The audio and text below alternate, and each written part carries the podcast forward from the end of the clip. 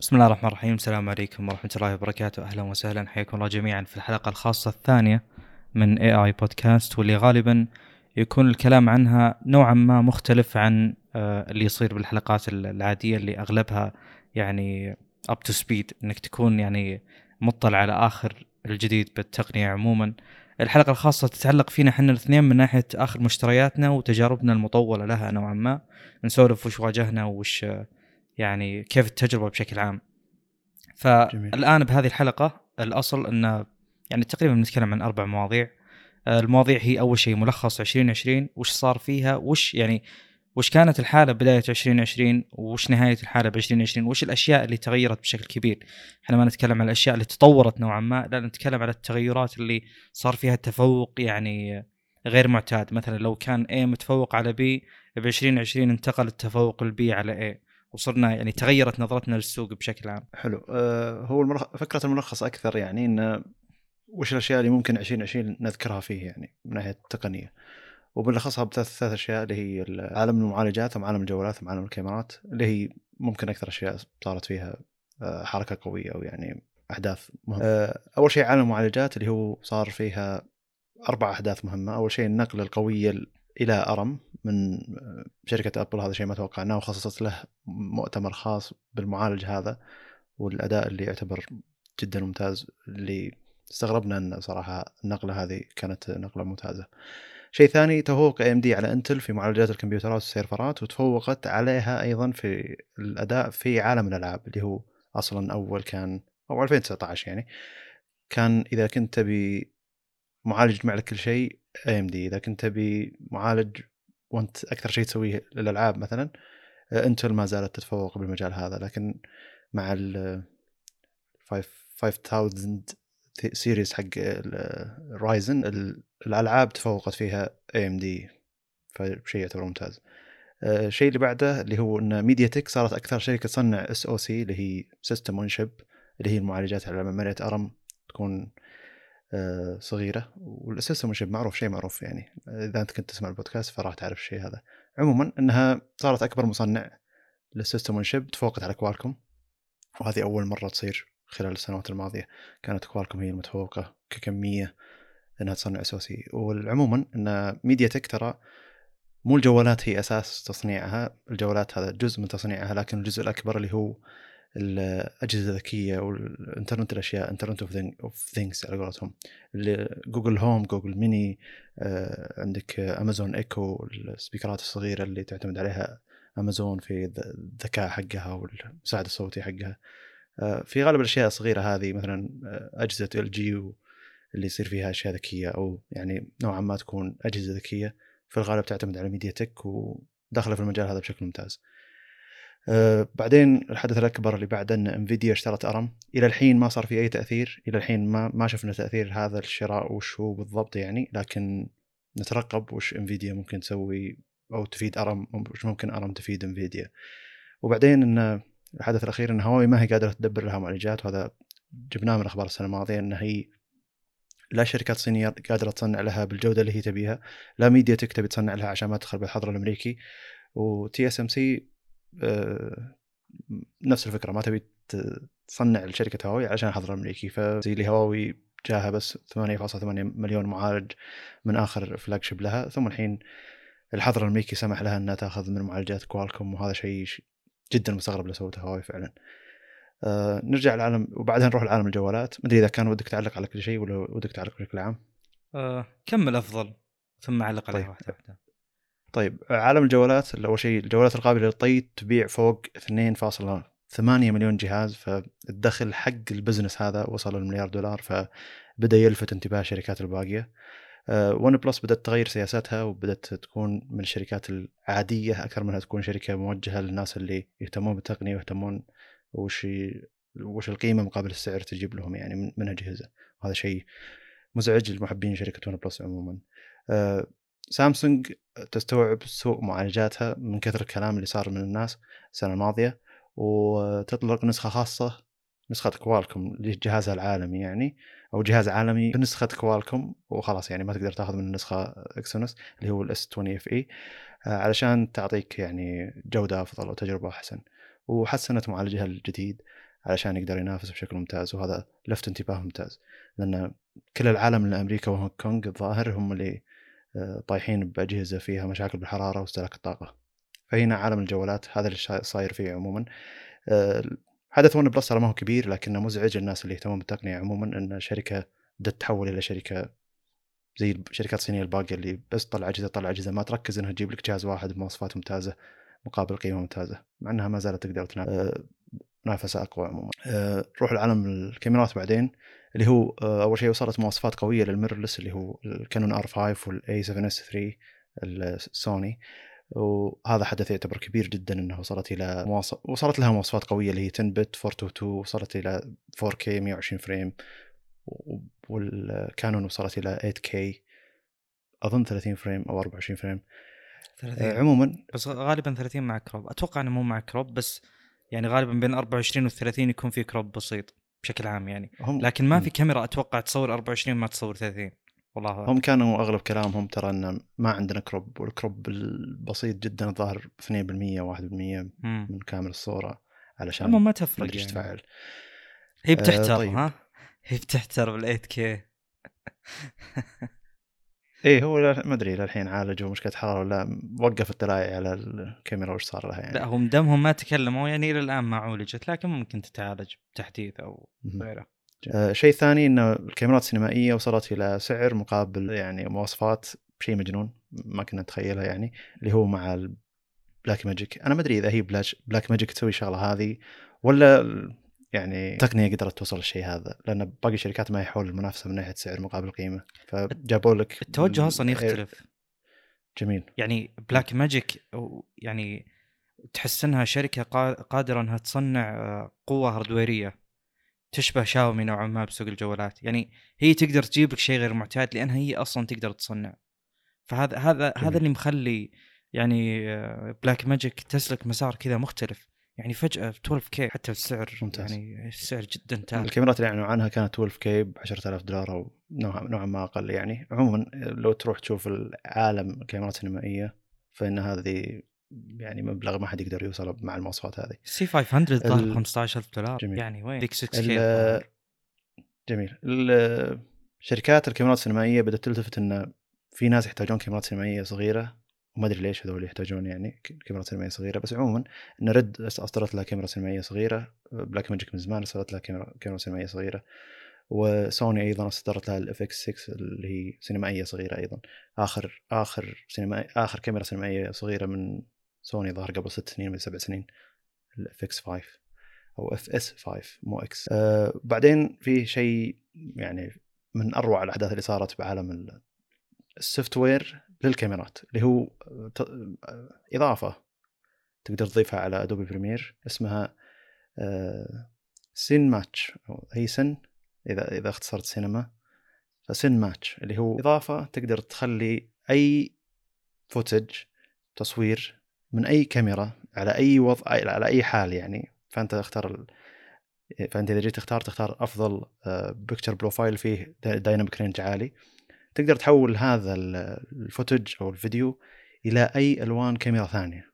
فأنت تقول إن مثلا نزلت صور أو فيديوهات من كاميرا سوني وكانت على S-Log 2 تختار نوع الكاميرا وتقول له هذه S-Log 2 حول لي إياها إلى آه، ألوان كاميرا Canon الكاميرا الفلانية. ومباشره يحول لك إياها بشكل مباشر. حتى تقدر ال picture profile الثاني حق الكاميرا ذاك تختاره الكاميرا ذيك يعني تختاره. فلو عندك مثلا كم كاميرا بنفس النوع وكاميرا شاطحة؟ تقدر أو إنك تحب ألوان شركة معينة وعندك مثلا كاميرتين Canon و Sony. تقدر تخلي ألوان سوني مثل Canon ألوان Canon مثل سوني ثم تبدأ تشتغل عليهم بتعديل واحد وبيضبط عليهم كلهم. آه هذا ال... يعني هذا ال software اللي وصل للمنتجين الفيديو يعني يقول إن هذا غير أسلوب تعاملهم مع ال- آه، الكاميرات عموما. آه، سابقا كانت آه، نوعا ما مجهد إنك تجيب الألوان آه، إلى نتيجة واحدة تحتاج تاخذ ال- ال footage من الكاميرا هذه وتعدل عليها لين توصل الالوان تبيها. وبعدين تحتاج اللي هو الك- ال card color أو كذا اللي هو ال- البطاقة اللي فيها جميع الألوان المؤثرة. وتقعد تعدل عليها واحدة واحدة إلى أن توصل الالوان اللي تبيها ثم تروح للكاميرا الثانية وتعدل على على ألوانها. ولازم تحط ال- ال color card هذه قدام الكاميرا بداية التصوير ثم تعدل عليها كل شوي. فالأمر يكون مزعج جدا. بينما لو تستخدم مثل هذا ال software اللي سهل عمل يعني الناس ال colorist أو حتى السينمائيين أو الناس اللي يشتغلون على الفيديو بشكل عام آه، درجة ما يتصورونها. فصار الناس تستخدم أكثر من آه، أظن سعرها ب 99 دولار بعد ال software هذا سعره 99 دولار. مقابل وش يسوي لك وش يحفظ وقتك فيه. وأيضا في تجربة مجانية فترة معينة إذا كنت ما تثق إنه بيعطيك جودة ممتازة. لأنه آه، شيء مبهر جدا آه، من الصعب جدا إنك تعرف ألوان كل شركة وتقدر تحول ألوان كل شركة لشركة ثانية وكل شركة تتعامل مع ألوان باسلوب مختلف كل شركة لها اسلوب معقد. فالشغل والعمل اللي صار من هذه الشركة اللي طلعت لنا هذا ال software شيء بالنسبة لي مبهر. كشخص بدأ يطلع على الالوان خلال السنة ونص الماضية أو السنتين الماضية بدأ يطلع شلون يقدر يلون الفيديو حقه بشكل ممتاز عشان يطلع بنتيجه جيدة يعني. فشغل مبهر جدا. جميل. تبي نبدأ؟ هنا خلصنا ملخص 2020 بالنسبة لي أنا شخصيا يعني وبالنسبه للأحداث اللي قدرنا نغطيها ب 2020 وش الأشياء اللي لفتت انتباهنا لفتت انتباهنا بشكل أكبر. طيب ممتاز. في بداية الملخص اللي قلته آه، تكلمنا على أو تكلمت أنت على النقلة اللي صارت آه، بال M 1 بالنسبة ل Apple وبداية يعني تبني اللي هو ال ARM processors بال desktops أو بال خلينا نقول الكمبيوترات المحمولة. جميل. يعني تكلمنا عن الموضوع ذا أكثر من مرة أه، من ناحية إن أنا بالبداية توقعت إن ال M 1 فعلا يعني إن أتكلم إن معالج جدا قوي بالنسبة للمعالجات ARM عموما. يعني يعتبر هو نقلة نوعية ومختلفه تماما من ناحية قدرات hardware يه بحتة مو من ناحية أداء فعلي يعني مو من ناحية الأداء اللي يوصل لك من ناحية قدرات معالج بحتة وليست حتى قدرات ال SoC كامل. آه، لكن يعني بعد بحث واطلاع بسيط آه، المعالج نفسه ك ك CPU بس بدون أي شيء ثاني آه، ما يعتبر شيء يعني خارق للعادة. وهذا مو استنقاص فيه ابدا بالعكس. بس المقصد إنهم مو لأن المعالج قوي طلع أداء ممتاز لا لأن ال optimization اللي صار مع ابل يعني وكيف إنهم يعني أدوا مهمة أفضل بشكل كبير من اللي سوته مايكروسوفت مع ال SQ1 وال SQ2 ومن ناحية أخرى من ناحية فكرتهم في تبني آه يعني هم الآن يوم صمموا ال M1 في اعتبارات لل يعني اعتبارات الأجهزة اللي بتشتغل فيها ال M1 يعني أنا الآن إذا زي ما قلت كثير في حلقات سابقة إن إذا عندي عملية بتتم كل مرة زين تبنيها بال hardware إنها تكون implemented بال hardware أطبقها بال hardware بيكون أفضل لي مني آه، أطبقها بال software لأسباب كثيرة جدا. آه، يعني من ضمن الأسباب إنه آه، إذا كنت فوق بال layers العالية بالطبقات العالية بال software كذا بعيد جدا أنت بتمر على طبقات عشان توصل لل hardware وتقول نفذ لي هذه المهمة. أنت مثلا كتبت بلغة خلينا نقول Java Java عندك Java virtual machine مثلا زين؟ وبتمر على طبقات إلى أن توصل مثلا خلينا نقول لل C إلى أن توصل لل hardware ثم آه، تطبق هذه العملية ثم ترجع لأعلى layer فوق. حلو؟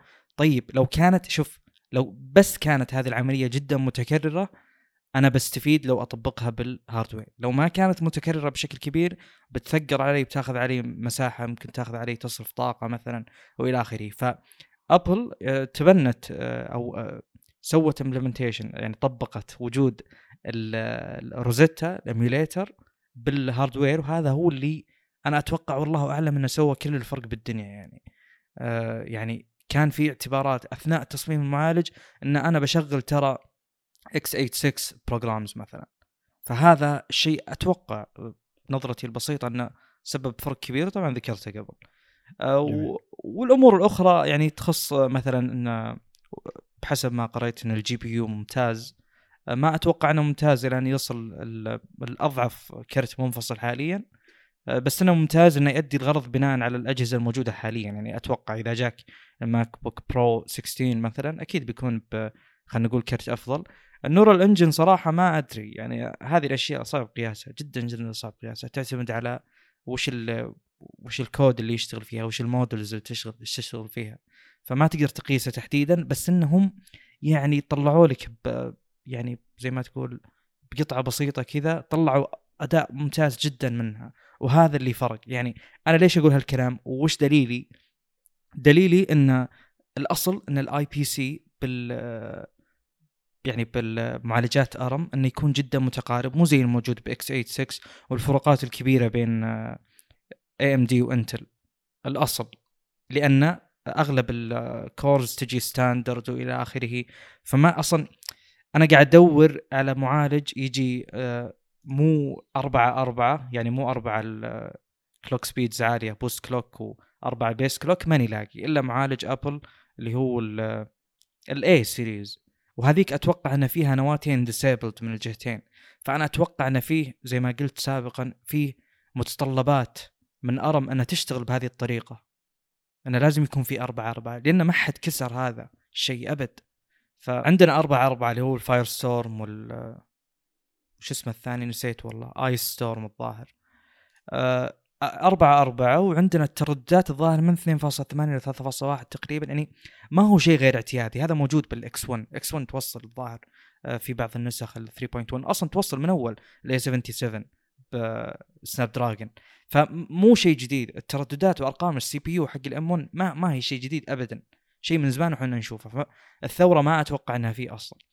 لكن نرجع ونقول إن تبني آه يعني بعض الأشياء بال hardware واصلا التفكير خلينا نقول الشامل من Apple اللي صار بال M1 أتوقع هو اللي سوى الفرق آه الكبير.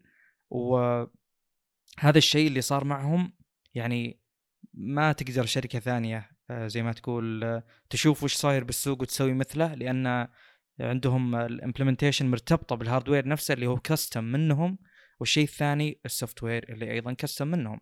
عندك ال macOS وعندك المعالج نفسه كله من Apple فبهذه الحالة ما ما ما تقدر تجي مثلا مايكروسوفت وتشوف مثلا أو أي شركة ثانية تشوف إن Apple تبنت معالج محدد من Intel والمعالج هذا نجح نجاح كبير. لا لأن سابقا كل معالجات Intel تشتغل على على Apple يعني أجهزة Apple فما ما في مشاكل.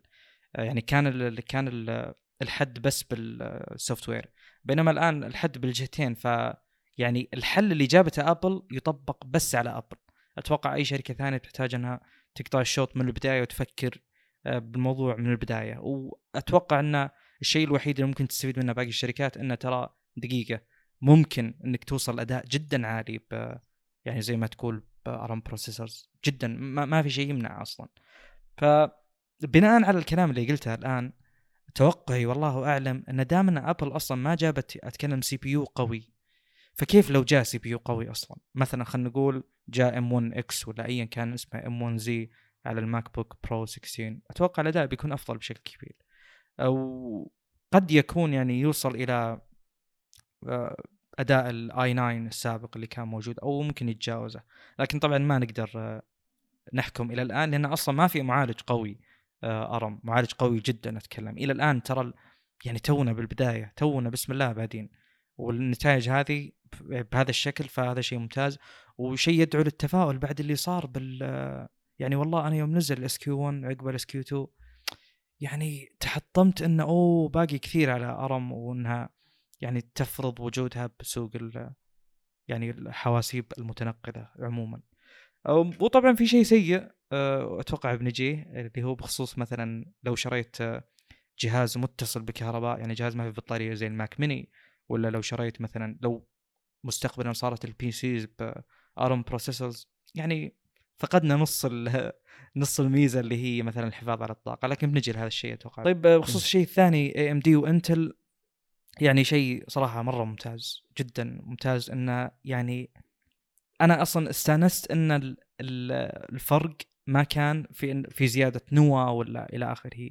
كان بشكل بحت ومخصص في ال IPC ولأن أصلا أنت لو تفوقت زيادة بعدد النوا وال multi خلينا نقول multi-threaded workloads يعني ما تكون ما أثبت شيء جديد. أنت بس زدت الفرق هناك ولا زدته بالألعاب مثلا.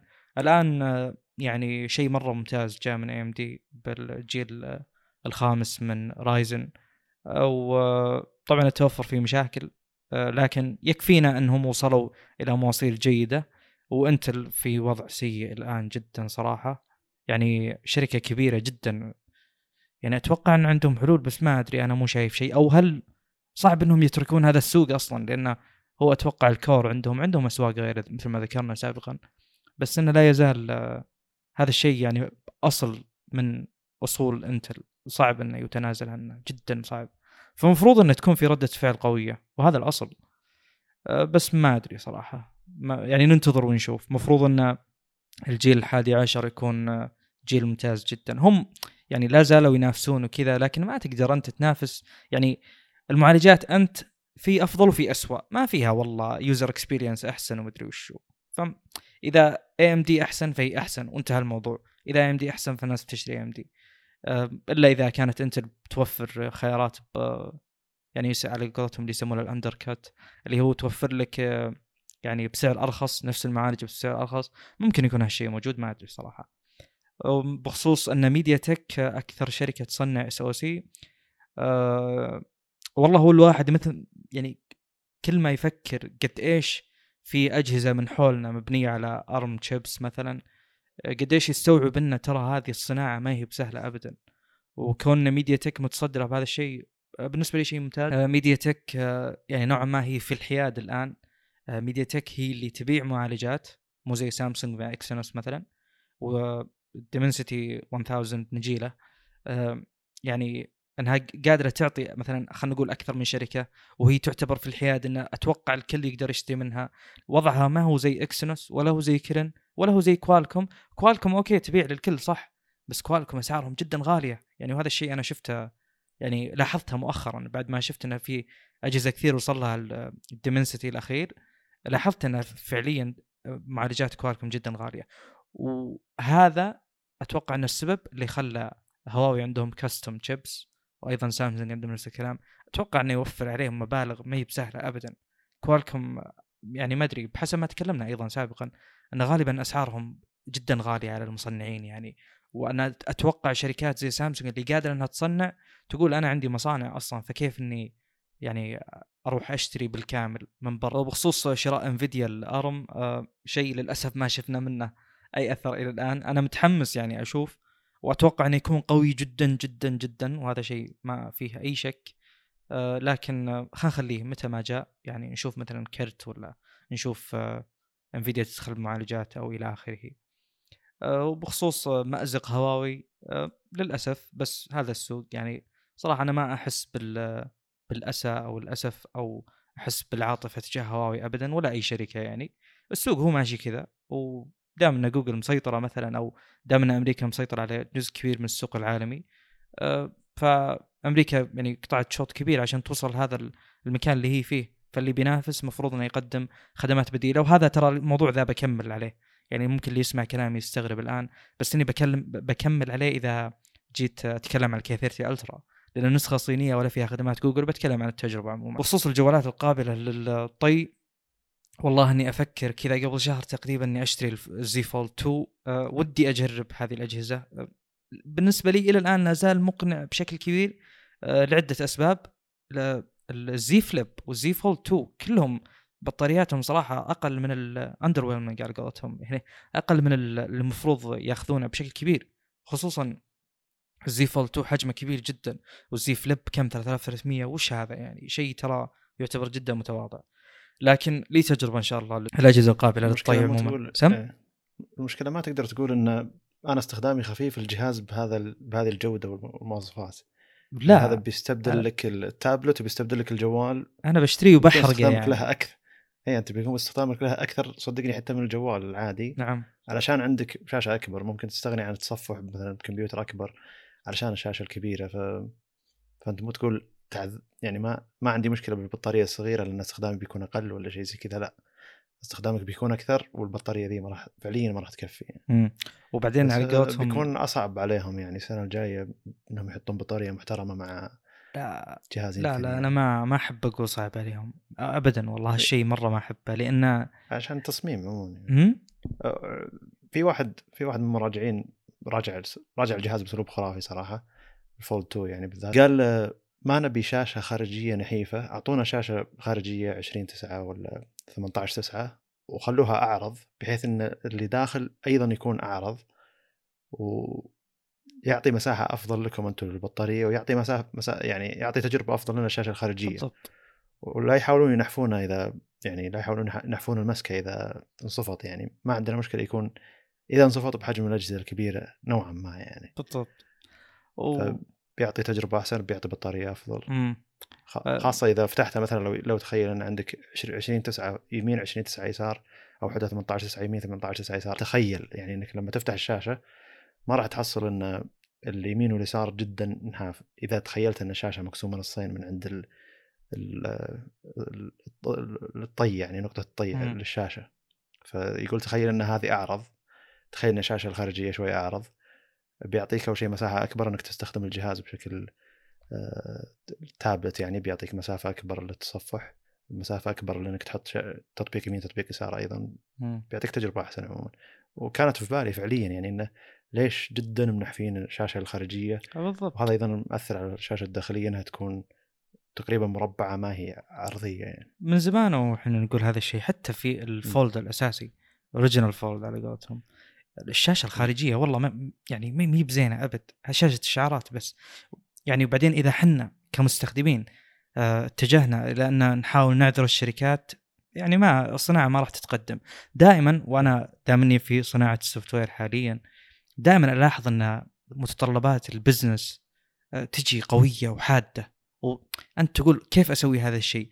بس إنك تقول كيف أسوي هذا الشيء هو اللي يخليك تفكر صح. هو اللي يخليك تجيب الحل لأن أنت اللي مطلوب تجيب الحل وأنا كبزنس لا أقصد التساؤل هذا يعني انه شلون بيحلون الشغلة ذي وإذا حلوها بيجيك نوع من الإبهار إنه أوه لا فعلا حلوها بالقضية هذه.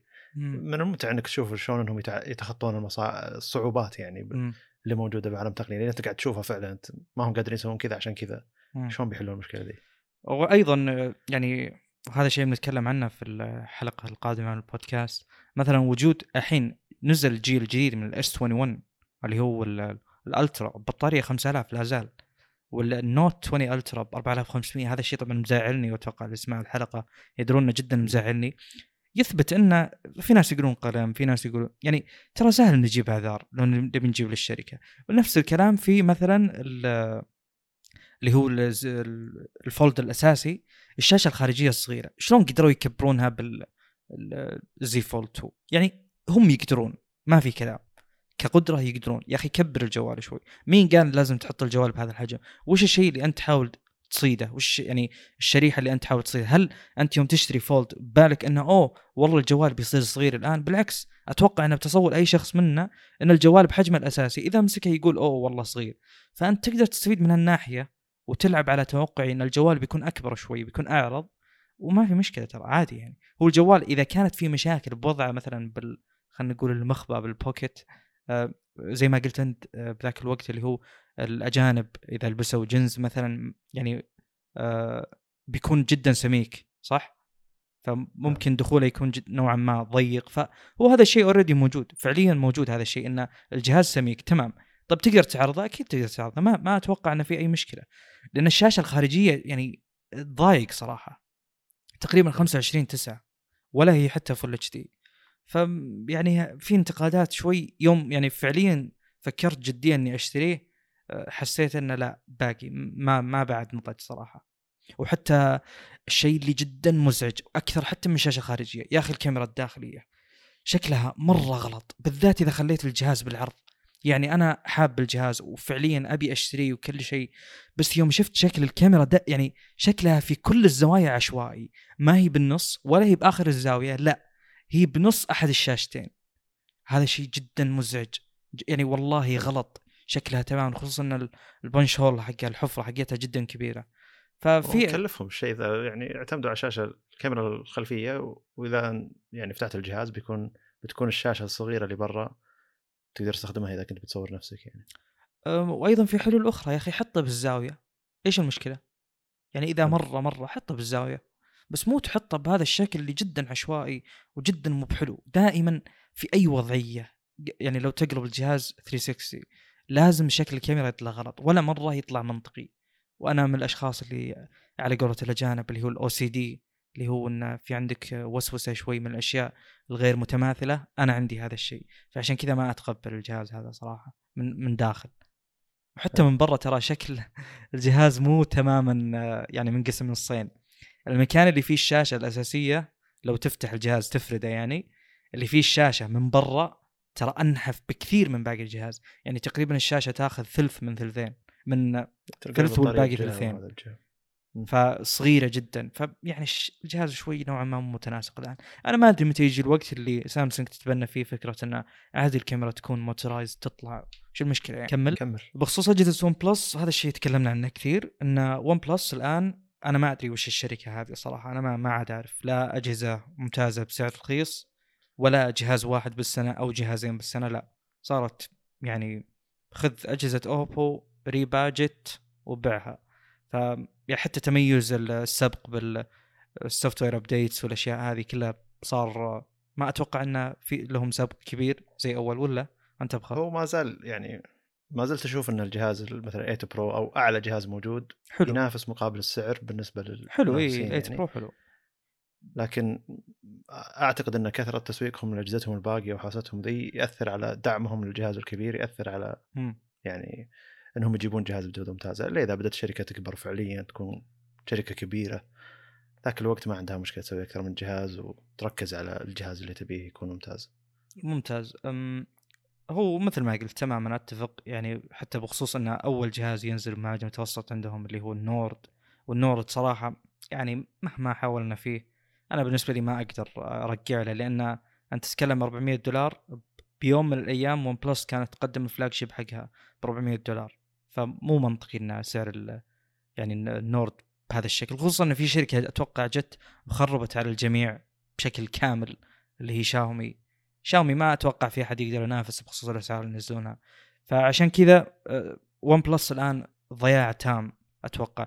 أنت قلت لي إن ما أدري أذكر إن في أحد المسؤولين اللي كان له تأثير بنشأة ون بلس أصلا ما صار موجود طلع أو شيء زي كذا. فأتوقع إي نعم إي. إي ف... ما أدري إذا جبنا الخبر باحد الشهور الماضية بس هو في صحيح في أحد المؤسسين طلع يعني. إي لأن في شيء تغير فعليا. أنا أنا شخص ما أتابع ون بلس بشكل كبير ومن زمان يعني هو جهاز واحد اللي اقتنيته الظاهر. إيه ال 3 ون بلس 3 الشركة ما عاد هي زي أول يعني. يعني أنت ما تقدر تنافس ال flagships وتعطي سعر flagship ترى 900 دولار ما هي بسهلة أبد خصوصا مع أسعار ال S21 رغم إنه يوفر شيء ممتاز بس مثلا في أشياء تنقصه زي خلينا نقول اللي هو الكاميرا مثلا. يعني ما ما أدري ما شفت أحد منبهر من جودة كاميرات ون بلس إلى الآن. فإلى الآن أنا ما أشوف ان ون بلس وصلت لمرحلة تقدر تقول فيها ان إحنا بمصاف الكبار تماما. آه، يعني والله مؤسف صراحة منظر ون بلس حاليا أنا ما يعجبني. يعني حتى لو هي الآن نجحت بالأسلوب هذا يا أخي آه، يعني على قولتهم السوق الآن صار more of the same ترى. يعني ون بلس ما أتوقع أن عندها عصا سحرية أو شيء مميز يميز ون بلس كميزة يعني. لا يميزهم غالبا السعر مقابل اللي تاخذه. فهذا الشيء يعني. حبة حبة قاعد يقل وهذا شيء مو حلو ابدا بالنسبة لنا كمستخدمين. آه، جميل. بخصوص ال Exynos الأخير و... والإطلاق العالمي ل Qualcomm آه، هل تكلمت عن عن ذا الشيء ولا؟ أنا الاصل ان تكلمت عن انه تحسن يعني التفتت سامسونج للقضية هذه مم. يعني أقصد المعالجة إنه سيء فعليا. آه اي صح صح إحنا نتكلم عن ملخص 2020 إيه آه هذا الشيء ما نقدر نختبره إلى الآن ورغم انه الرس يعني هو فعليا في فرق هاردويري وليس كلام انه أوه بنحسن المعالج وانتهى الموضوع. يعني هم ما حسنوا مم. مونجوس نفسه.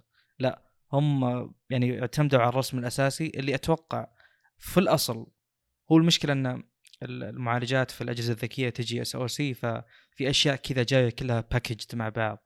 ومن ضمن الأشياء اللي بعد يجيك مع ال package أتوقع اللي هو أو حتى لو كان من الشركة اللي هو موضوع التبريد. ممكن حل التبريد اللي يجي معه مو زين فيخرب جميع الجهود اللي آه، ساعد فيها مثلا سامسونج ب Exynos ترى في أحد قناة اليوتيوب اللي JerryRigEverything اللي إيه، هو اللي يجرب. يف- يف- يفت يفتح الأجهزة كاملة. هذا اللي خلاني آه اي لا هو جاب Note Note آه، Note 20 Ultra نسختين. وفتحهم فتحهم اثنينهم مع إنها ما هي تجربة علمية يعني لكنها تجربة جميلة أو مثيرة للاهتمام يعني. آه وغير المبردات حط مبرد نسخه ال Exynos على Qualcomm حط ما تغير شيء يقول نفس المبرد حرفيا يعني ف هو قاعد يقول إن تجربتي هذه ما هي علمية لكن ودي أشوف.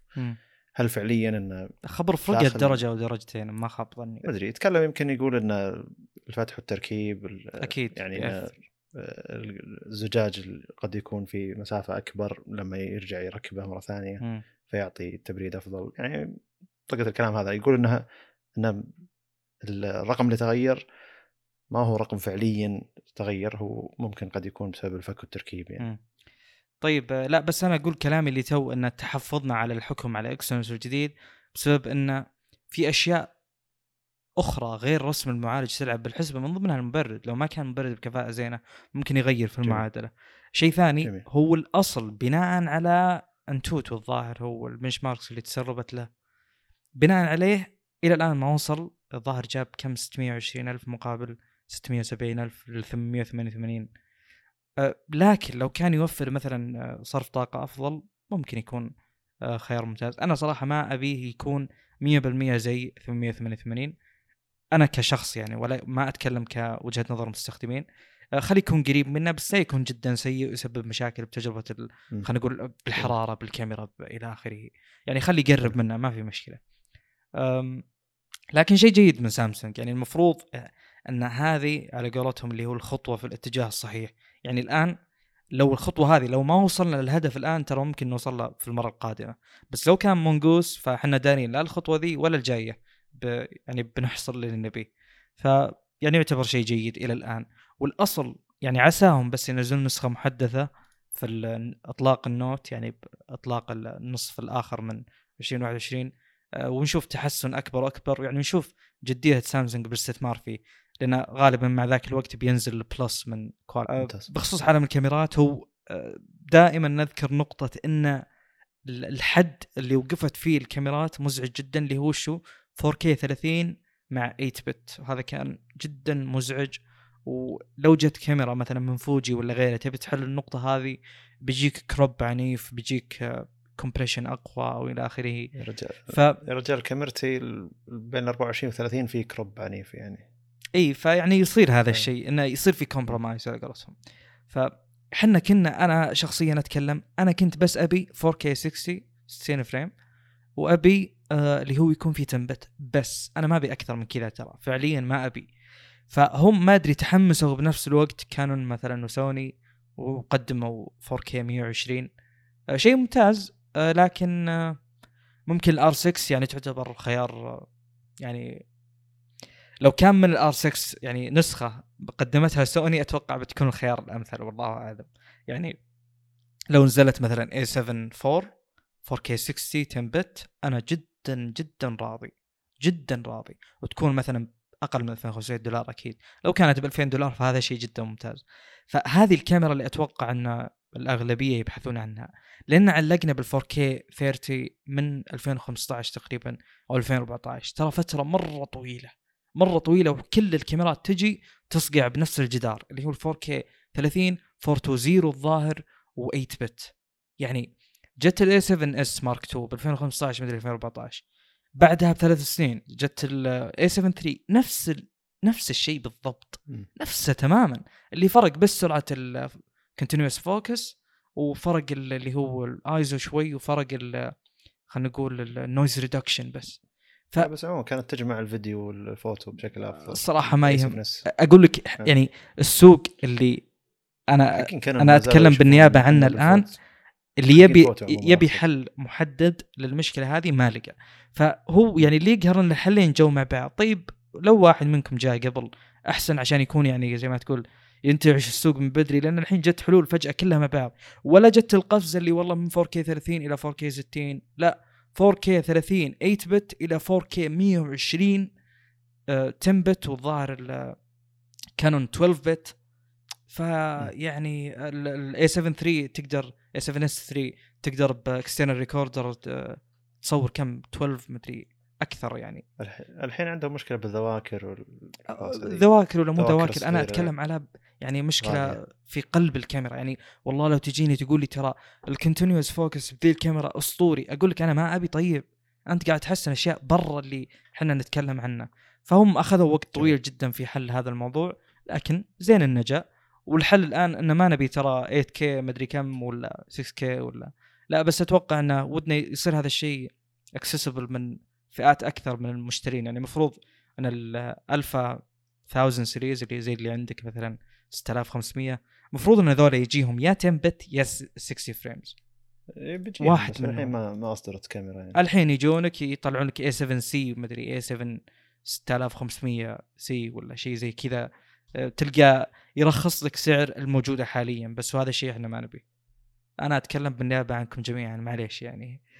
طيب آه، وأيضا آه، وجود ال 12K من بلاك ماجيك يعني ما أدري بلاك ماجيك صراحة أنا أتوقع خلص الكلام فيهم كثر ما أمدحهم أو نمدحهم إحنا الاثنين. لأن اللي يقدمونه بالسوق يعني ما ما ما في ما في مثيل له ابدا. يعني آه، غيروا أشياء كثيرة. صارت لك قدرة إنك توصل ال 6K sensor آه، 60 frame أو أتوقع ب 75 نسيت والله. آه، يعني قدرات عالية جدا جدا جدا. فهذا الشيء يعني بدون بلاك ماجيك مستحيل تلقاه إلا بظاهر C something 100 واحدة من كاميرات كانون ولا واحدة من كاميرات أي شركة ثانية يعني غالية جدا.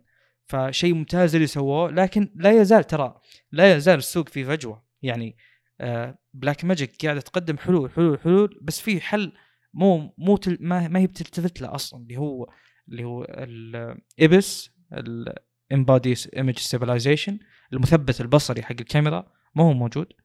آه يعني الظاهر إنه موجود بس يعتمد على العدسة بس يعتبر شيء تافه يعني الحلول اللي من طقه ال 5D Mark 3 وطقته. وأيضا سالفة ال continuous focus إلى الآن بلاك ماجيك واضح إنه ما عندها أي حلول أو أي سعي في تطوير ذول الاثنين. فلو طبعا فيه يمديك تشتري LiDAR والاشياء ذي وتحسن ال focus بس إحنا نتكلم على إن نبي شيء built-in ففي فجوة في فجوة ال Canon في فجوة سوني أنهم يسدون المكان هذا بشيء يعني شيء يعتمد عليه مو زي اللي جاب بال R5 مثلا الحرارة والاشياء ذي. ولو إني ما أدري يعني يعني أنا ممكن أتقبل ذا الشيء بس كونه صار أتوقع إنه يرد الكثيرين عن شرائها عن استخدام ال 8K أصلا خصوصا إنه بس 30 frame. وأتوقع آخر شيء اللي هو الكاميرات السينمائية بحجم صغير جدا قصدك آه، ال RED Komodo الظاهر والله أعلم. آه، بالنسبة لي كاميرا فاشلة صراحة تماما يعني. وال FX6 هو المقصد إنه يعني توجه جديد. وما أدري ليش أصلا. الكاميرات لا. السينمائية ما كانوا يشوفون الحجم شيء يعني. لا هو واضح ليش؟ لأن من يوم دخلت RED ال YouTube وبدأوا يستخدمونها YouTubers هم شافوا. إنه في سوق بالذات ال YouTubers غالبا إذا يعني هو وصلوا إلى أنت تكلمت عن الفجوة اللي تو اللي هي إنك إذا بتاخذ كاميرات عادية ما هي سينمائية فإنك بتحصل مزايا ما هي موجودة بالسينمائيات للحين ولما تصعد للسينمائيات بتفقد مزايا كنت تبيها يعني فزي اللي السينما يعني الشركات السينمائيه تبي توصل للفئة ذي اللي يعني يبون المزايا الموجودة بالكاميرات العادية ما هي السينمائية لكن يبون يستخدمون كاميرا سينمائية. والكاميرات العادية ذي قاعد توصل مواصفات الحين المفروض إنها كاميرات سينمائية يعني هي ما كانت تقدر عليها إلا الكاميرات السينمائيه فالمقصد إنه هذه الفجوة قاعد تقل يعني خاصة مع Blackmagic لكن عموما يعني إذا أنت تبي تغي... تبي توصل للفئة ذي في مزايا يحتاجونها الفئة ذي الفئة ذي ما تحتاج الحجم أكثر من المزايا اللي هم متعودين عليها. اللي هي ال auto focus وال IBIS كاميرا مم. الشاشة اللي تنقلب اللي هي ما يحتاج تاخذ كاميرا ثم تسويها rig كامل. فإذا أنت كشركة سينمائية ناوي تسوي كاميرا تناسب الغير سينمائيين يعني سينمائيين سينمائيين فعلا يعني اللي مو هو الحاله يقعد ورا الك... ورا الكاميرا لا هو يقعد قدام الكاميرا ويبي يصور بكاميرا سينمائية. لازم توفر له الأشياء اللي هو متعود يستخدمها بالكاميرات الأقل من السينمائية. فالمقصد إنه يعني زي اللي شركات الكاميرات السينمائية قاعد يركزون على الحجم بس إنهم يصغرونه ما قاعد يركزون على المزايا اللي يحتاجونها الفئة اللي تحتاج الحجم هذا. يعني أنا ليش بروح آخذ Komodo ولا FX6 ثم بحط لها rig كامل اللي هي شاشة وما أدري وش ومايك كبير وبطارية برا و SSD خارجي ويعني وأخرتها تصير هذا كبرها يعني. ف وش فرق معي حجم ال body؟ يعني دام إني بحط كل الأشياء هذه علشان أقدر أستخدمها هذا كشخص سينمائي يتكلم لما يتكلم زي كذا. لكن لما يجي ال YouTuber أو كذا نفس الفكرة يقول ابى أفقد المزايا اللي كنت متعود فيه متعود عليها مع Canon و Sony. ليش ليش أروح أخذ ال- الكاميرا هذه حقتكم رغم إنكم صغرتوا حجمها؟ ففي توجه غريب لكنها هي بداية. وقد نوصل إلى كاميرات سينمائية يقدر يستخدمها الشخص الواحد بشكل ممتاز وقد الكاميرات العادية توصل لمستوى درج الكاميرات السينمائية من ناحية جودة ال- الصورة طب كم سعرها؟ ما لي علم والله الحين يعني عموما 6000 دولار سعرها هذا غير إيه، الغير كل, ال- كل الناس تشتكي من ال software للحين؟ يعني كل الناس تشتكي من ال software ال auto focus وتشتكي تشتكي من اللمس حقها يا رجل هذه محاولة تخيل تجي بنتلي تبي تنزل Accent فهمت؟ شيء شيء غير منطقي يعني أصلا بنتلي تعتبر يعني الشريحة المستهدفة م- من مثلا اللي يشترونها شريحة جدا ضئيلة وشركة صغيرة والشركة بس ما تصنع اسمها شيء. عالي بتبيع بتبيع يعني أقصد؟ أقول الشركة اسمها قوي بتبيع ب- الكاميرا والله. بالعكس والله بال... أشوف إن العكس تماما. أو يعني أنت الآن تدفع 6000 دولار كم تدفع فوقها؟ يعني ما راح تخلص ترى. و... لا هو ترى بيصير ال- زي زي ما قاعد تصير ال- الحين لما تكلمنا عن ال software ذا اللي بتكلم عنه بعد شوي أقصد. software سينم CineMatch CineMatch أو كذا. المقصد الحين إن هذه بتكون B camera مو كاميرا أساسية يعني. كاميرا أساسية كاميرا ترد على مستوى مثلا ويبي يتعامل مع نفس ألوان وإعدادات ال RED يأخذ RED Komodo يعطيها واحد ثاني ك B camera يمشي وضعه إذا فيها هي- زاوية ثانية يعني. إذا هي secondary camera هذا توجه مختلف تماما. لكن بحسب اللي شفته أنا هذه محاولة من RED للدخول لعالم لا لا أنا YouTubers. شفت ال... أنا شفت المست... نوع نوعين من المستخدمين الشخص اللي له بالسينما فعليا يقول إن هذه قاعد يستخدمها ك B camera والله ال- يعني نحتاج زاوية ثانية نحتاج footage. ثاني أي شيء آه، فيستخدمونها فعليا ك B B camera لكن لما تجي ال YouTuber بيقول لك إني أنا قاعد أعاني من ال auto focus أعاني من الأشياء ذي اللي. هو متعود عليها فزي اللي هي ضايعة بين ال... بالضبط بالضبط. محاولة غير جيدة منهم صراحة ابدا. ما أنا غير معجب فيها. بخصوص وال- CineMat. وال software؟ أقصد ال software اللي تكلمت عنه الحين CineMatch سن CineMatch انت محتار. باسمه من بداية التسجيل. جميل. أه، س- لا هو سن ماتش بس لأنه لا هو سينماتش. زي آه، شو اسمه كنت في شيء كنت أستخدمه بأيام ال هو 5 دي مارك لحظة. 3 اللي هو سيني ستايل بروفايل سم؟ اي بس لما ننطق الحين لحظة أنا ما البكتشر وش اسمه موجوده بعد هو سي اي ان أي. ماتش خلاص يعني سينماتش سينما جميل. أنت تقول سينما ولا سينما شفت اقنعتك صح؟ جميل يلا طيب. بخصوصه أتكلم الحين ولا؟ أقصد إن هذا قاعد يحل مشكلة يعني إنك ما تروح تاخذ كاميرا B camera من نفس الشركة عشان تاخذ نفس الألوان خلاص خذ لك كاميرا محترمة ثانية من أي شركة ثانية تعطيك footage عالي والألوان بتتعامل معها بنفس الطريقة فهمت يعني. أحس إن الشركات قاعد تنزل كاميرات علشان المستخدمين أو يعني ال- ال ecosystem حقها والمستخدمين اللي متعودين عليها أو متعودين على الألوان حقتها. هنا جاء لك حل سوفت ويري بدل ما تروح تشتري كاميرا من نفس الشركة عشان الألوان بس. والله أنا بتكلم من ناحية إن هذه الأشياء آه، يعني أتوقع الناحية اللي بتكلم عنها جدا جدا تافهة بس إن هذه الأشياء غالبا تستحق سعرها ولا هي شيء أصلا 100 دولار. بالذات إذا كان في دعم آه، لها. وهذا الشيء جدا يحتاجونه المصورين غالبا. لكن اللي هو بيح... الشركة ترى لها تجربة عموما بتعديل الألوان اللي هي اسمها فيلم كونفرت. طب خلينا نكمل. فهذه نسخة من إضافاتهم يعني أقصد. فالشركة دعمها ممتاز الاضافات هذه مو أول إضافة لكن هذه من أقوى الإضافات اللي سوتها. مم. جميل. أم، لكن عموما اللي بيثبت آه، جدارتها أو جدارتها أو فشلها اللي هو آه، إلى أي مدى يعني إنه فعليا يحاكي النتائج أو إلى آخره. ف يعني حل مرحب فيه وأتوقع يخدم ناس كثيرين. أنا ما يعني ما ما أحتك ما بهذا الشيء. لا من قريب ولا من بعيد فما أتوقع بتكون لي تجربة له أصلا. طيب آه، نتكلم بخصوص آه، تجربتي ال K Ultra أنا نزلت آه، ثلاث صور أتوقع بتويتر. معدلة طبعا ب Lightroom بس معدل الألوان فقط. كان تقريبا test لل اللي هو ال portrait mode اللي موجود فيه. بشكل عام آه، ما ودي أحرق على مراجعة يوتيوب اللي صراحة ما عندي أي فكرة متى بنزلها بس ابى احاول يعني أعطيكم زبدة التجربة إلى الآن هو له معي أسبوعين بالضبط أسبوعين وصلني الأحد مو الماضي اللي قبله. آه، جميل. باختصار شديد آه الجهاز أول تجربة لي طبعا الجهاز بروم صيني وكنت ودي أجرب أصلا يعني. فأنا شاريه عشان أجرب وما عندي مشكلة أحوس وأتعبث فيه يعني. وليس شخص شاريه ويبي يستخدمه بشكل مباشر ومو مرحب بأي عقبة تجيه. لا واجهت عقبات صراحة. أول شيء تثبيت خدمات جوجل أسهل منه بالدنيا ما فيه ترى كتثبيت.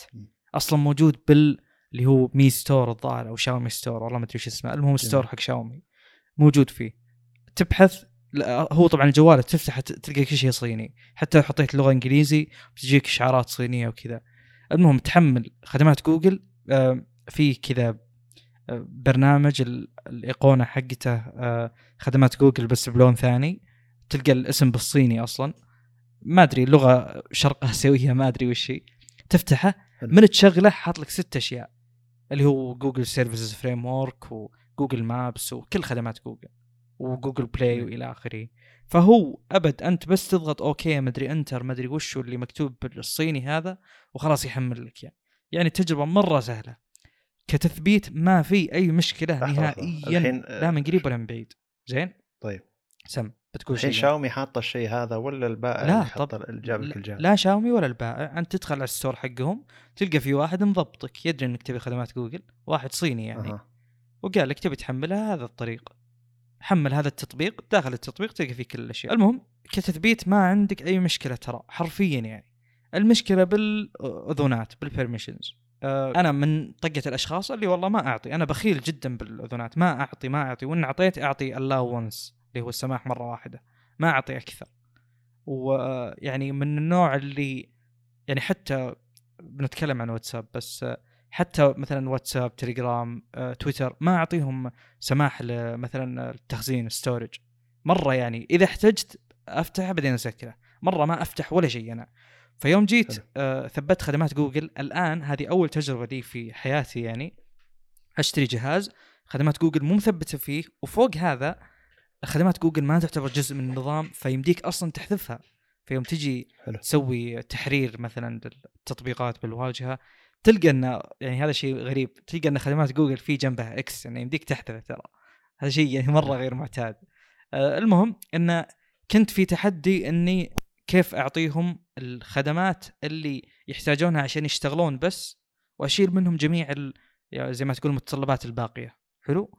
فواجهت مشاكل صراحة لأنهم يحتاجون كم؟ جوجل Service Framework هذا الظاهر يحتاج 36 permission مرة كثير يعني.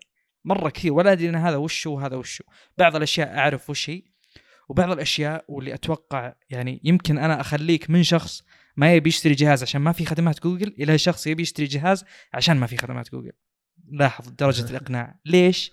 حلو. لأن من ضمن الأشياء اللي لقيتها بجوجل Service Framework انه في شيء اسمه analytics في شيء يحلل بياناتك ويسوي report عليها. إيه، metadata يعني؟ إي فأنا الآن يوم شفت هذا قلت يعني قلت معقولة من قبل أنا كل شيء ينرسل وتحت يعني نظرتي فصرت جدا حذر في الاذونات اللي اعطيها أتوقع by default بالأجهزة اللي فيها خدمات جوجل هذه الأشياء ما تقدر تتحكم فيها. تقدر تتحكم بأشياء بسيطة جدا. وفيه اذونات جدا عميقة اللي توصل ال analytics والأشياء هذه وفي خدمات لا متعلقة بس بفكره اللي هو الوصول للتخزين الوصول للأشياء هذه. حتى أتوقع by default يوصل للتخزين. المهم أنا حاولت إني أضيق على خدمات جوجل قد ما أقدر. وجزء من تجربتي اللي هو إن لاحظت قد إيش النظام حريص ما أدري حريص يعني ال- سواد عيوني ولا شيء آخر إنه ما يبيني أستخدم أشياء third party أشياء يعني طرف ثالث في أشياء حساسة نوعا ما. كمثال إذا جيت يعني تستخدم keyboard لوحة مفاتيح غير الموجود بالجهاز هم أصلا حاطين لك أربع خيارات الظاهر. تخيل بجهاز واحد في أربع keyboard ات أربع لوح مفاتيح في. حتى لهم أسامي مختلفة يعني. فالمهم آه، إذا جيت أختار مثلا Gboard أنا طبعا رجعت لل Gboard قبل فترة ولا قبل استخدم آه، keyboard سامسونج. المهم يوم جيت اعطيه قال لي ترى أن هذا الخيار لا يرشح ولا ينصح به مدري وشو. آه، ليش؟ لأن ممكن هذا ال- الطرف الثالث ممكن يأخذ عليك آه، يعني يسجل وش تكتب؟ آه، يأخذ يعني يحلل يرسل آه، لأنه هو يتنبأ بالكلمات اللي بترسلها بعد. فأكيد إنه هو يحلل أصلا. وأكيد إنه يرسل يعني كمية من البيانات إلى جوجل مثلا أو يعني الطرف اللي مصنع الكيبورد هذا. أنا بشطح شوي بحثت بالموضوع هذا قلت أنا أنا عارف إن الخصوصية مخترقة أنا ما عندي مشكلة بس أنا بقلل قد ما أقدر بالبيانات اللي يأخذونها. فبحثت بطريقة نوعا ما يعني ذكية إني أبي keyboard ما يبي وصول الإنترنت مرة يعني. فلقيت في keyboards آه، إلى الآن ما ما لي تجربة حاليا بس انه في keyboards ترى ما, ما لهم وصول الإنترنت وأتوقع هذا الشيء اللي كلنا نبيه. آه، ممتاز. لأنه صراحة الخدمات التنبؤية المدوش الخرابيط ذي وسالفة ال sync بحسابي حق Gboard أنا ما ما أتوقع إن هذا الشيء يهمني. آه، المهم السماح لك لاستخدام keyboard خارجي يقتصر تماما على كل شيء ما عدا البيانات الحساسة، مثلا جيت تسجل دخول إذا عرف إن هذا ال field اللي قاعد تكتب فيه password يشيل ال Gboard ويرجع لك ال keyboard الأساسي. تخيل تخيل. والله يعني مرة ما إيه. يبي أنا أتوقع إنه ما أدري ما أدري إذا هذا الشيء هم يبونه صدق عشان سواد عيون ولا شيء آخر. لأن هم بهذه الحالة أخذوا آه ما أخذوا ال username أخذوا ال password إذا أخذوا ال password الحالة وش يستفيدون من هالناحية؟ المهم إنه لاحظت إن الجوال حريص عليك إنه ما تنتشر بياناتك. ما أدري يعني صراحة ما أدري وش السبب. يعني بالضبط. ليش إلى هذه الدرجة حريصين على هذا الموضوع؟ شيء آخر. في حرص كبير جدا جدا جدا بالواجهة على توفير الطاقة. شيء والله ما شاهدته حتى بال K 20 Pro. شيء مو طبيعي ابدا.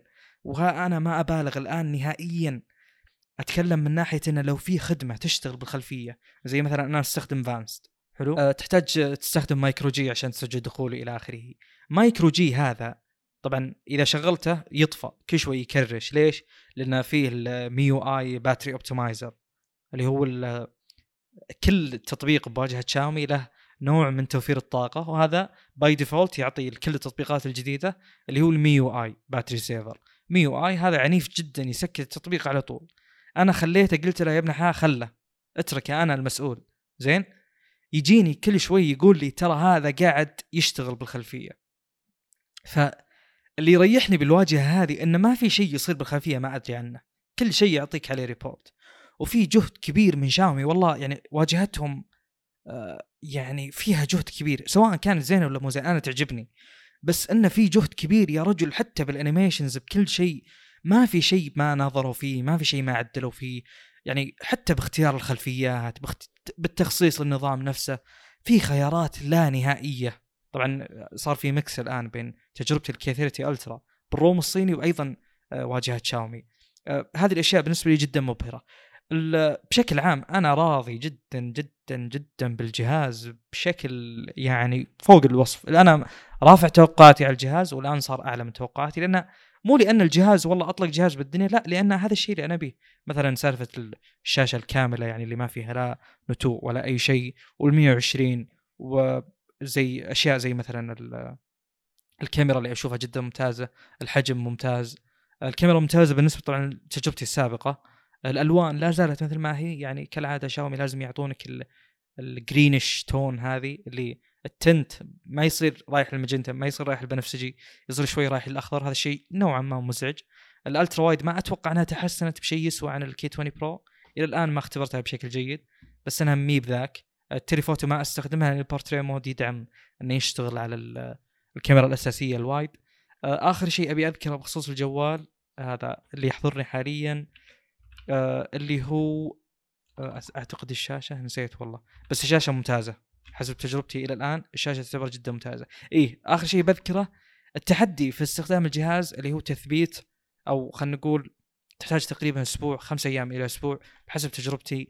إلى أن توصل انك تخلي الجهاز ما كأنه جهاز صيني لأن أنت تشتري الجهاز كمية الأشياء المثبتة مسبقا الصينية مي طبيعيه مرة كثيرة. حتى في تطبيقات إحنا نعرفها منتشرة عندنا ما ودي أسميها موجودة. يعني أشياء مثبتة مرة كثيرة. فأنا قعدت يوم كامل قعدت أمسح كل شيء وأمحي ال ROM الصيني من ال... أتكلم أمحي أي كلمة صينية من الواجهة. يعني مثلا كان اللي هو أتوقع إنه اسمه squeeze to something هذاك حق جوجل اللي ترفع يطلع لك. ولا؟ مم.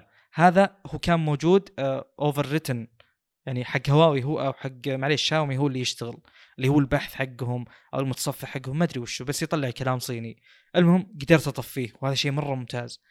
آه إذا رحت يسار بالواجهة الرئيسية رحت يسار آه أول كان يطلع لي بال K 20 Pro اللي هو البحث والاقتراحات ال- للتطبيقات ومدري وش والأخبار. الآن في شيء اسمه app vault شلته وخلاص يعني صار ما ما عاد يطلع شيء بس يطلع لنا في app vault هنا. آه، ولا عاد أستخدمه. درجه التطبيقات تقدر تحطه. بال K 20 Pro الظاهر by default مو موجود. أو يعني آه، إذا تبيه third party فهنا موجود الآن تقدر تحطه يعني. فعليا ب MIUI 12 موجود. وهذا شيء مرة ممتاز. فالان اللي يستخدم الجهاز ما ما في أي دليل انه جهاز صيني ما ما تلقى بأي مكان أتكلم عن جهازي فعليا. أول كان يطلع لي بعض ال error messages اللي فيها كلام صيني بس الآن ما في هذا الشيء. و أتوقع بمراجعة يوتيوب بفصل كل شيء إن شاء الله. آه، القيمة مقابل وش وش حصلت يعني؟ هذا أهم شيء ترى. والله الجهاز ما هو رخيص صراحة. الجهاز كلفني 1850 آه، 8 جيجا 128 آه، هذه نسخة غالية لأنها جدا مرغوبة. أنا كنت أبي آخذ نسخة 512 آه، يعني 1850 ريال آه، كم تصير بالريال؟ بحسبها الآن بس آه، يعني كان الفرق بينهم 80 ريال تخيل. كانت نسخة 512 8 جيجا ب 1920 ريال تقريبا.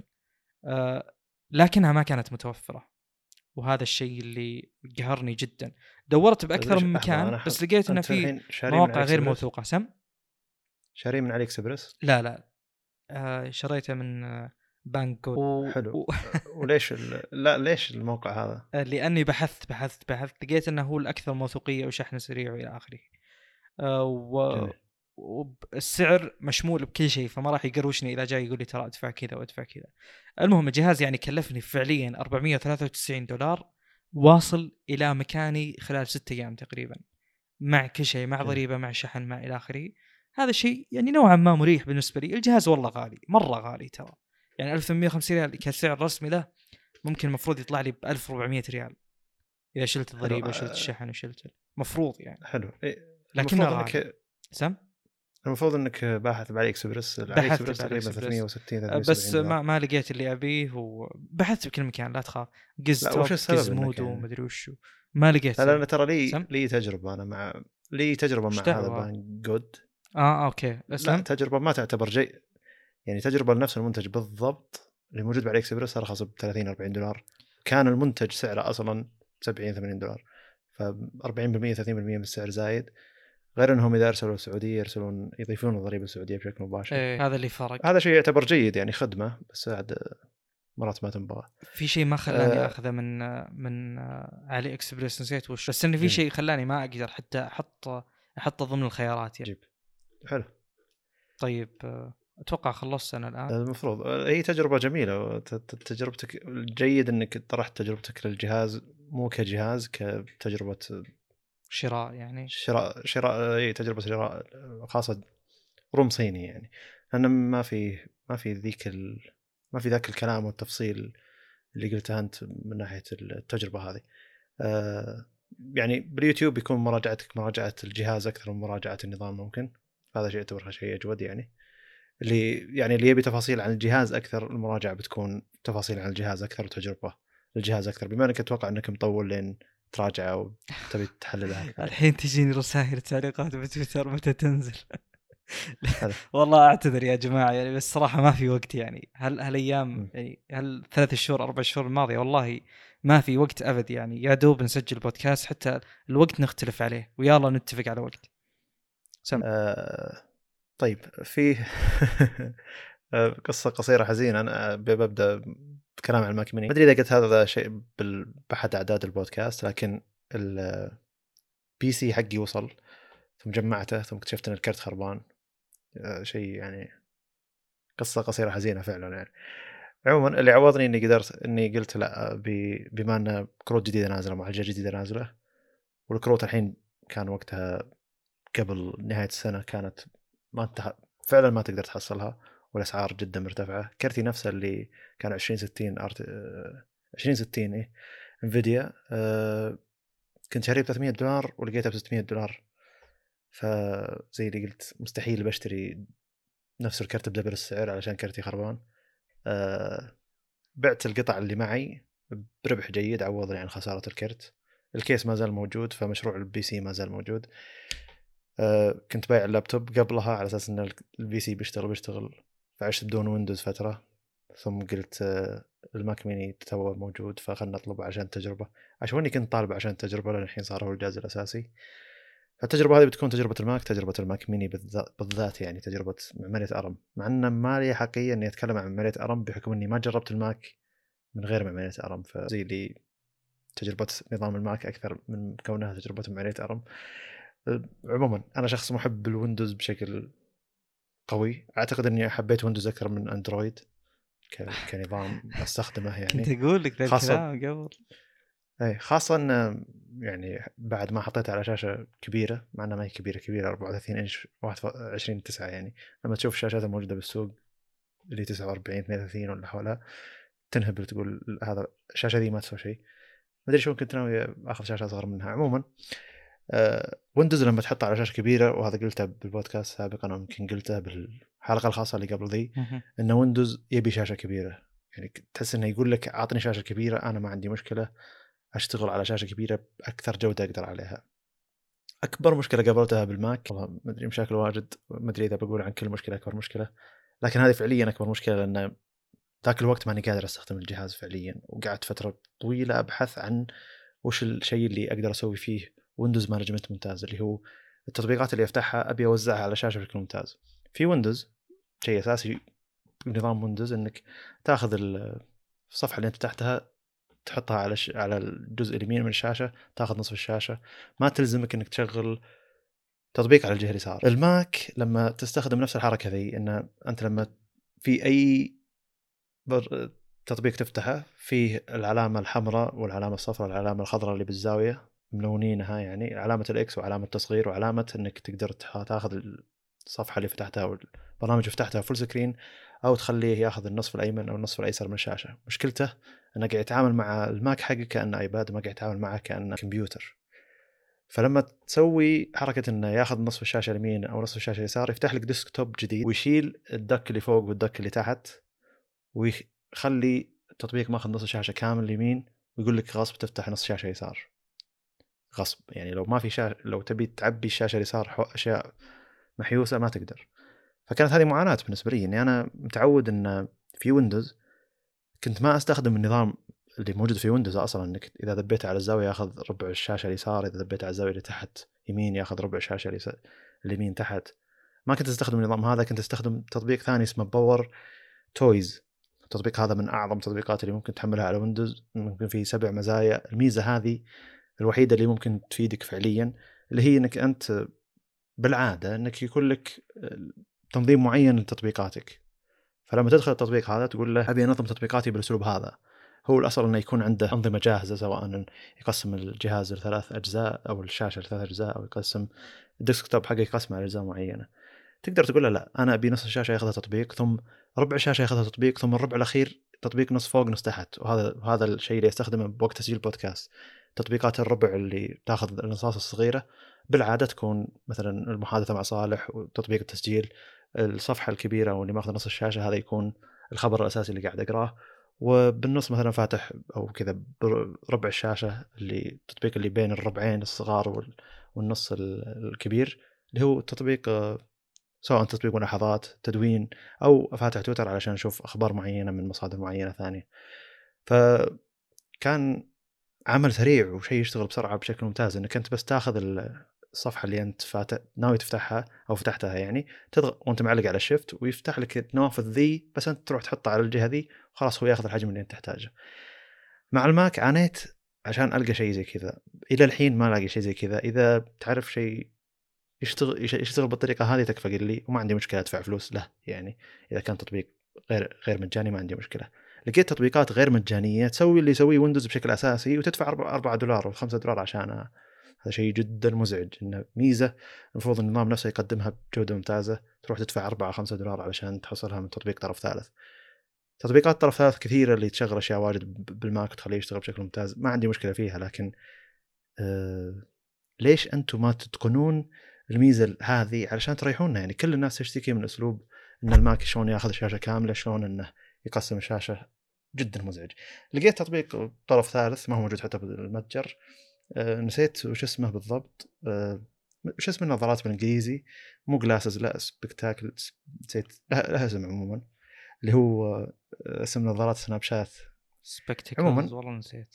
أيوه Spectacles أو شيء زي كذا. التطبيق هذا تقدر تقسم الشاشة لثلاث أجزاء.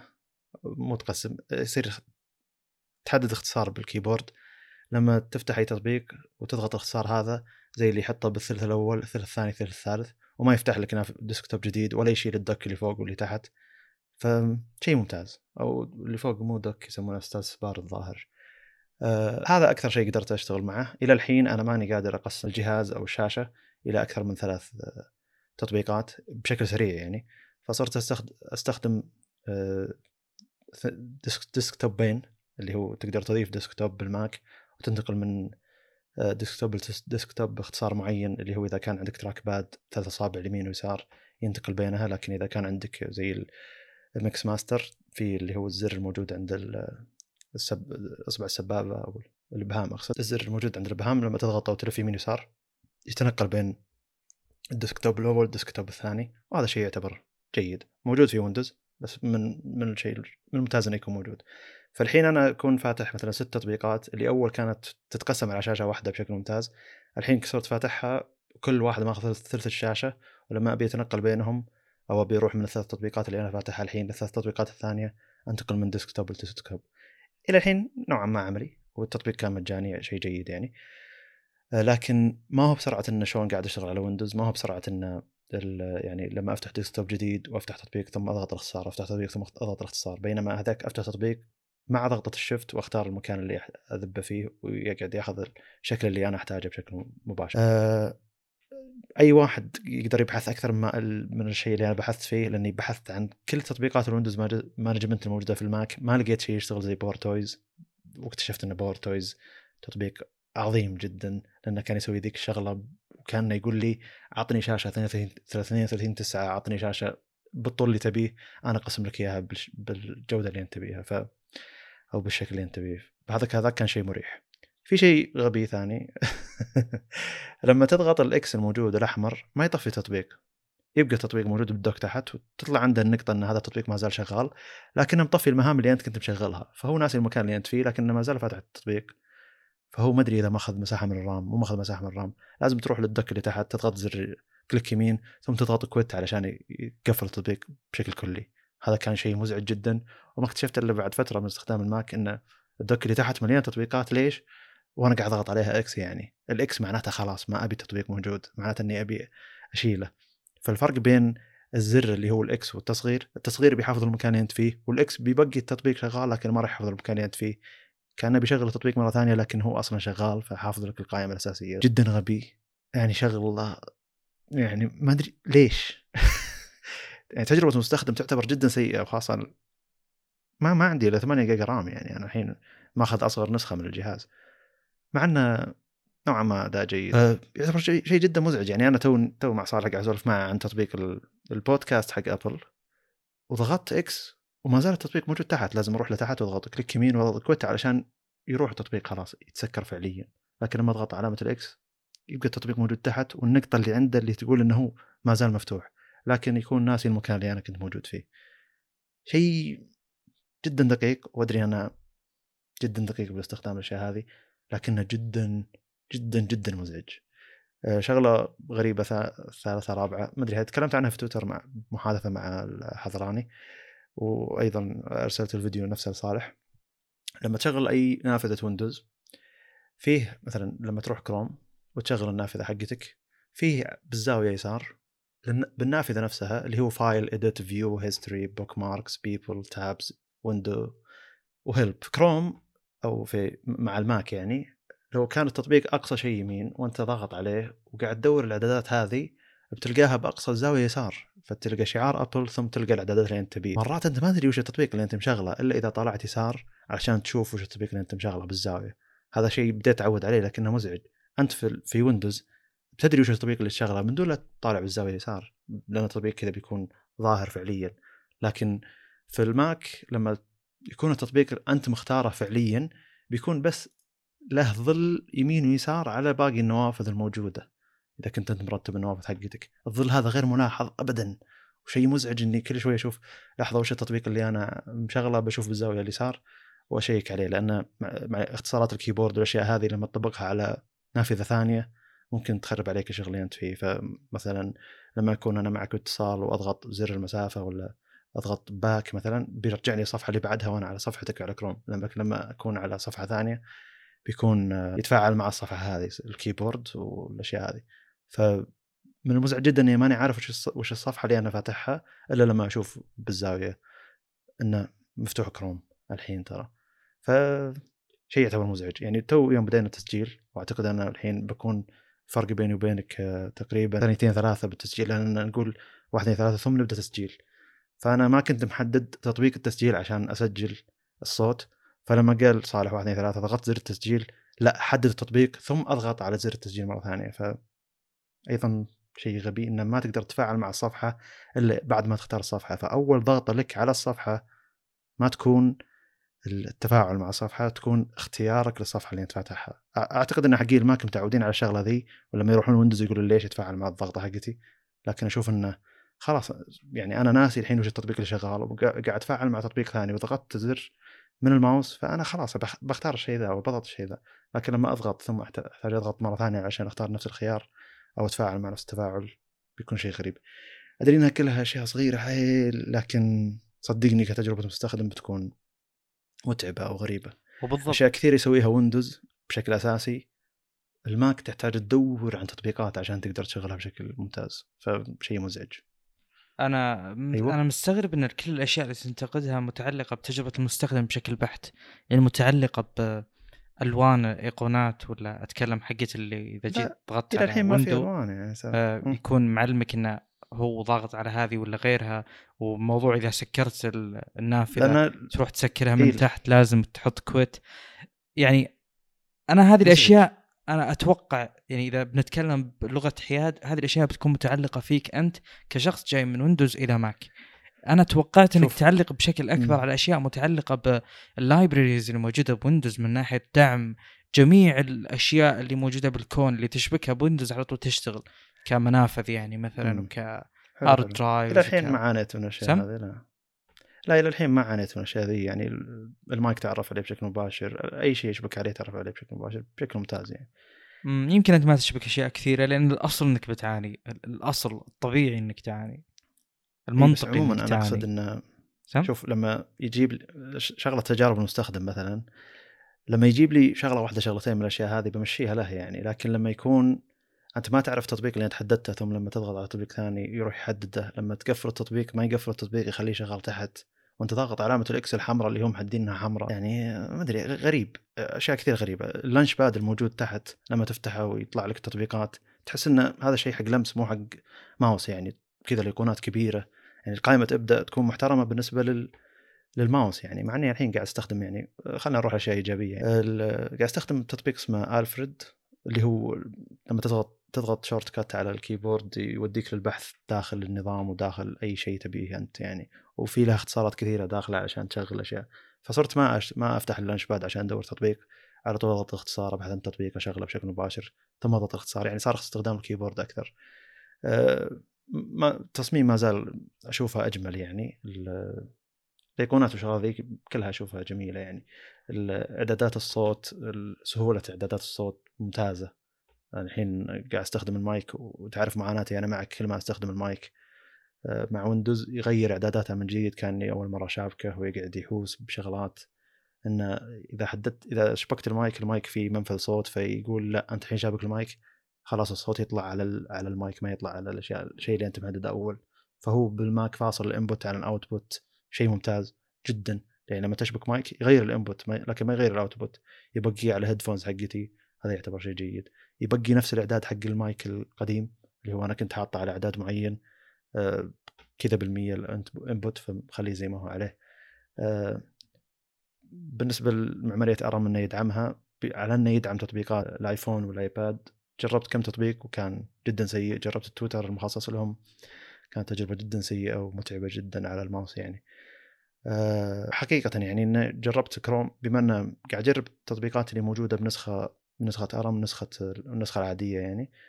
ما قاعد أفرق إن Rosetta شغالة ولا لا فعليا يعني إلا لما أفتح ال ال أشوف ال كم ماخذ من كم استهلك من ال CPU كم استهلك من ال RAM فعليا لما أستخدم كروم آه، نسخة ال x86 ومشغل Rosetta ياخذ من ال RAM أكثر ياخذ من ال CPU أكثر. لما أشغل النسخة الأساسية اللي هي الحين مدعومة من معمارية ARM آه، ما تستهلك ولا يمكن يعني أقل ب 25 إلى 40% من استهلاك النسخة العادية. آه، أنا يزعجني جدا إن يعني أظن المتجر حقهم يعني ينحاشون منه المطورين الممتازين يعني أغلب التطبيقات اللي لقيتها ممتازة وتشتغل بشكل ممتاز ولو فيها دفع مثلا مبلغ بسيط وكذا ألقاها خارج المتجر يعني والتطبيقات مرات ألقاها داخل المتجر بفلوس ولا ما أروح. لصفحة ثانية أو حتى بصفحه المطور نفسه يقول لك تعال هنا تاخذها بسعر أرخص ولا تاخذها يمكن حتى مجاني يعني.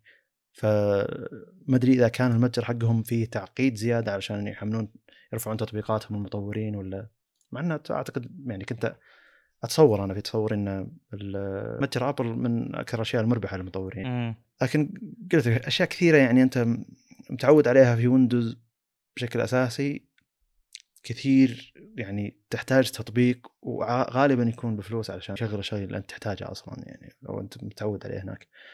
أه ما زالت الأشياء ذي تزعجني يعني. أنا ما زلت ما زلت متعود إني أضغط X والتطبيق يتقفل واكتشف إني مشغل فوق ال 25 تطبيق تحت. يعني إيش دعوة إيش صاير؟ وأقعد click يمين quit click يمين quit وكل شوي زي كذا. لو في طريقة أسهل من كذا ما أدري علموني عليها يعني. أه في مشكلة بال click يمين؟ عموما على تطبيقات أبل أكثر يعني. ال click يمين في Adobe Premiere وذا نفسها الموجودة على ويندوز لكن ال click يمين في تطبيقات أبل أغلبها الخيارات فيها قليلة جدا جدا جدا. والشيء الثاني إنه ما يعطيك الخيار وش اختصاره. في ويندوز من الأشياء الجميلة يعني إنك أنت مثلا قاعد تبحث عن خيار وضغطت click يمين طلعت لك خيارات كثيرة فبالتالي بتعرف الاختصار حق الخيار ذا في المره المستقبلية يعني. بتضغط الخيار لأنك الاختصار لأنك شفت الاختصار خلاص.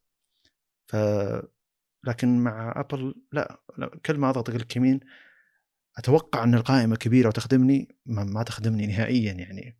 فأنا أقول وين الخيارات اللي موجودة بالكليك يمين؟ وين حطوها؟ أقعد أدور يعني. لدرجة إنه يعني تطبيق التسجيل تسجيل الصوت هذا. لما خلصت تسجيل صوت للتجربة يعني إحنا نسوي تجربة قبل لا نسجل الصوت عشان نتاكد إن جودة الصوت ممتازة عشان نتاكد ما في خلط بين صوتي وبين صوت صالح عشان ما يطلع بال آه، ما يطلع بالسماعات من السماعات إلى المايك أقصد. فلما خلصت التجربة جيت ابحث في التطبيق. العادة click يمين control D control D ولا X أي شيء يعني آه، ترى يمكن قعدت خمس دقائق أحاول أحذف الصوتية إلى أني لقيتها بالزاوية اليمين آخر شيء. من التطبيق كذا علامة الحذف ضغطت عليها وانحذف.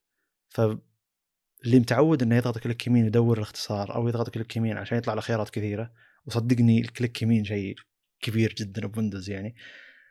هنا تقعد تدور الخيارات وتكتشف إن الواجهة حقت أي تطبيق أنت قاعد تستخدمه مليانة خيارات مبعثره بكل مكان علشان ما جمعوها في click يمين. ال click يمين. شيء قوي جدا. أنت الحين برسل لك واجهة تطبيق تسجيل الفيديو الاساسي لل Mac. وشوف واجهة تطبيق تسجيل الفيديو الأساسي الموجودة في Windows يعني. أنت تضغط click يمين على الصوتية اللي عندك تقدر تنقلها تقدر تشوف الملف وين هو فيه بالضبط تقدر تحذفها تقدر آه يعني الإعدادات اللي تسويها له للصوتية اللي أنت سجلتها كثيرة. بس بكليك يمين. هذا جمع لك أشياء كثيرة. ما حاصل واجهة حق التطبيق. بينما هنا لما أوقف تسجيل الإعدادات شيء منها بالزاوية يمين شيء منها باليسار تحت شيء فهمت؟ فاللي ليش أنا أقعد أدور الخيار؟ وإذا كنت ما أعرف اختصاره ما أدري وين ألقى اختصار. شيء متعب. أنا ما زلت أعاني. أحس إني أحتاج شهرين ثلاثة أربعة عشان أتعود على أشياء زي كذا وأتعود على إن الماك بالعادة إن هذا المكان يكون فيه كذا هذا المكان يكون فيه كذا هذا المكان فيه يكون فيه كذا. بس ما زلت كشخص يعني مهتم جدا بتجربة المستخدم. أشوف إنه Windows قاعد يقدم تجربة مستخدم أفضل. إلى الحين يعني مع إنه ما ما أتوقع تجربة ثلاث اسابيع شهر تحكم. ما زلت أشوف إنه ممكن في أشياء أقدر أتعود عليها. لكن البعثره اللي صايرة لا ما زلت أشوف Windows أفضل. Windows معطيني تجربة مستخدم أفضل مع إن الواجهة حقتهم عموما جماليا. ما أشوف إنها بجمالية ال Mac. ما زلت أشوف ال Mac أكثر جمالية. باقي التجربه مع الجامعة بما إنها توها بادئ الدراسه يعني أعتقد إن ال Mac يمكن يفيدني أكثر. ما أدري إذا كانت الشيء هذا صحيح يعني. في كلام زي كذا إلى الحين أنا ما اطلعت عليه. بس ما أدري أنت عندك تجربة لل Mac يعني؟ والله هذا الشيء اللي يعني مرة مرة ما لي تجربة معه. أنا أجرب أشياء كثيرة. ال iPhone ممكن أوصل له واجرب ال iPad نفس الكلام. بس ال Mac هذا الجزء من العالم أنا ما أعرف عنه ولا شيء. أنا اللي أعرفه الشيء الوحيد اللي أعرفه لو جيت أعطي واحد أذكر أيام يمكن تطلع أصور وكذا إذا كان المصور اللي معي معه Mac احتجت اعطيه ال footage أو هو يعطيني أو إلى آخره هو يواجه مشاكل في الموضوع نعم صحيح. لازم أي. تعدل على الفلاش حقك لإعدادات معينة عشان يتعرف عليه ال Mac إي فيعني آه هذا اللي أذكره عنهم. عندهم مشاكل بال compatibility بأشياء كثيرة.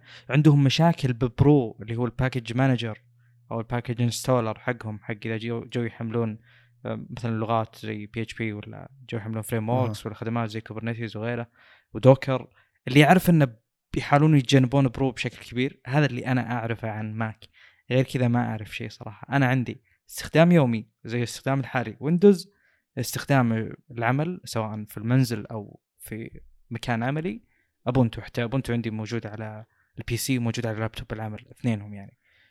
ف... أنا الحين- ف Mac أنا ما أعرف عنه ولا حتى أتوقع تجي الفرصة اللي أتصادف معه نهائيا حتى Final Cut Pro مثلا. يعني ما في software معين يربطني ب Mac نهائيا مرة لا من قريب ولا من بعيد. فأنا لا. جربتها الحين ولا بجربها. بعد حلو. أه، طيب. أه، في تطبيقات حلوة بس المشكلة ما أدري إذا أقولها ولا لا. أه، في تطبيق إيه في تطبيق اسمه أم- امفيتامين امفيتامين بالضبط. امفيتامين على وزن أه، أحد الأدوية. ما أدري ظاهر الأدوية اللي تسبب لك إنك تشتر أو ما تنام أو ما أدري إيش الفكرة إنه زي منشط يعني. أه، فكرة التطبيق هذا إنه شوف التطبيقات الجانبية جميلة صراحة جميلة جدا يعني إن تقدر تعدل على الأشياء الموجودة باعدادات النظام أو تع... يعني تتخطى أشياء موجودة باعدادات النظام. مع إني لو إني بحثت يعني لو الحين أرجع ال Windows ببحث عن أشياء زي كذا. آه اللي هو ان التطبيق ذا يخت- يسوي لك sessions آه فمثلا انت ناوي تحمل ملف كبير مثلا. أنا يوم جيت أحمل تطبيقات Adobe آه تعتبر أحجامها كبيرة وال Mac بعد ما أدري كم أو كذا إذا ما استخدمته يروح وضع sleep. وضع sleep ما يكمل تحميل. آه، التطبيق ذا يقول لك تقدر تحط له إعداد. تقول له بعد ساعة ساعتين ثلاثة يعني عادي يروح الوضع سليب لا يروح حال آه، وتقدر فيه أعداد مخصص كذا إنه إذا انتهى تحميل البرامج بالتطبيق هذا أو إذا انتهى التطبيق هذا من استهلاك كمية بيانات معينة. أتوقع إنه هو يقيسها بالشكل ذا لكن أنت بس تقول له إنه إذا التطبيق هذا انتهى تحميل الملفات اللي هو قاعد يحملها. وفعليا يعني بعد آه، جيت ولقيت ما زال يحمل فما زال ال Mac شغال. بعد ما خلص تحميل على طول انتقل وضع sleep مفيد جدا. جميل. أشياء حلوة يعني. في تطبيق اسمه Alfred هذا حق البحث. وفي هو فيه أصلا Spotlight اسمه في ال Mac نفسه اللي هو تضغط اختصار ويوديك البحث داخل النظام أو أو في أماكن غيرها البحث عن تطبيقات. لكن Alfred يشتغل بشكل أفضل وفي له اختصارات تخليك تبحث داخل ملفات داخل الأشياء ذي. عموما آه، الفرق بين Finder و Windows Explorer متصفح الملفات. يا الله. ما ادري إذا هي اشياء أنا تعودت عليها ولا ذا لكن ما يزال Windows يعني File Explorer حق Windows عظيم جدا بالنسبة للتطبيق هذا. آه، أشياء يسوي أشياء غريبة. يعني قاعد أضغط على نفس الشيء يسوي شيء غريب. يعني الفيديو. ملفات الفيديو. لما تضغط على نفس الصورة اللي موجودة بملف الفيديو يشغل لك ملف الفيديو وهو ما زال داخل الأيقونة. منو يبي يشوف الفيديو وهو داخل الأيقونة؟ تخيل كذا طالع فيديو صغير وشغال وطالع صوت وأنا قاعد أدور وين الصوت هذا؟ وأحوس بالتطبيقات أقول متى فتحت أنا ملف صوتي أو ملف فيديو؟ قاعد يطلع فيه الصوت هذا. شوي طلعت بفايدنر لقيت إنه مشغل الفيديو داخل الأيقونة الصغيرة وماشي الرجال مكمل. أنت لما تبي تشغله يعني كدور له يعني تطبيق يشغله لازم تضغط على خارج الأيقونة يعني مو خارج الأيقونة خارج مربع الفيديو. لكن لما تبي تشغل الفيديو نفسه داخل الأيقونة أنا ما أدري من اللي بيطالع الفيديو بالصغر هذا ولا بيتأكد إنه في فيديو معين زي كذا. شوف لكن أنت لك يتصرف تصرفات تقريبا شهر الحين. الشهر متأكد؟ أنا أذكر إنه أسبوعين. عموما عموما. تحتاج أتوقع تعطيه فرصة أكثر من كذا لأن بالذات الأشياء اللي تتكلم عنها أنت كلها متعلقة بتجربة المستخدم. يعني أعرف شخص الآن طيب. له من 2009 يستخدم ماك زين. إذا استخدم. ويندوز يقول وش هذا؟ هذا ليه ما يسوي كذا. أنا عارف إنه هو جاي من بيئة مختلفة. نفس الكلام جميل. انت جاي من بيئة مختلفة. فأتوقع يحتاج بعض بس الوقت. في أشياء دائما اذا كملت شهر أنا. متأكد ان لك أسبوعين. إذا كملت شهر آه وقتها أبي أسألك سؤال اللي هو أو, أو من الآن أبيك تعطيني جواب وقتها. هل ممكن تستمر مع macOS ولا خلاص هي النهايه لا الحين أقول لك أقدر أستمر مع macOS ما عندي مشكلة يعني لا مو تقدر ما تقدر. لو حطيت لك الاثنين قدامك ولو كلهم بنفس المواصفات تمام بناء على لا، تجربه هنا وش. تبي تاخذ؟ يا هذا يا هذا. لا. آه بعد ش... بعد. أسبوعين شوف بعد يعني لا أقصد حلو حلو. لا بس Windows ما زال عنده تطبيق Your Phone وهذا شيء يعني مهما أعطاني Mac من تخد من تجربة بما أني ما عندي ال iPhone يعني فإن ما زلت أختار Windows عشان عندي Android يرتبط مع Your Phone بشكل أفضل يعني. فالمقصد إنه تأثير شيء مؤثر ثاني ما هو مؤثر أساسي. بس عموما أنا ترى الفترة حتى لو تقول إني لي ثلاث أسابيع ماضية قاعد أستخدمه إلا إن الاستخدام مو قوي جدا لأن فترة إجازة فما كان في ضغط على الجهاز. الاداء يعني جربته منتج على Final Cut تجربة تج... يعني شيء تجريبي وجربت على Adobe Premiere شيء مو طبيعي. يعني أنا ما كنت أتخيل أن جهاز ب 700 دولار يعطي الأداء هذا من ناحية عرض ال footage يعني 4K ولا عنده مشكلة فيه يعرضه وأمشي ال timeline أمشيه كأنه ما أدري والله شيء غريب جدا. أعتقد انه في أجزاء أغلى من كذا بكثير ما توصل للمستوى هذا. ال render مدته 11 دقيقة يعني مقطع مدته 11 إلى 13 دقيقة ي render ه في 9 9 دقائق 6 دقائق وعلى Final Cut بثلاث دقائق تقريبا أربع دقائق شيء شيء مريح. وأتوقع إني لو أبدأ يعني آه، منتج فيديوهات أكثر بس بستمتع فيه. Final Cut مع Adobe Premiere لا إلى الحين تجربة ما أقدر ما أقدر أحكم عليها يعني.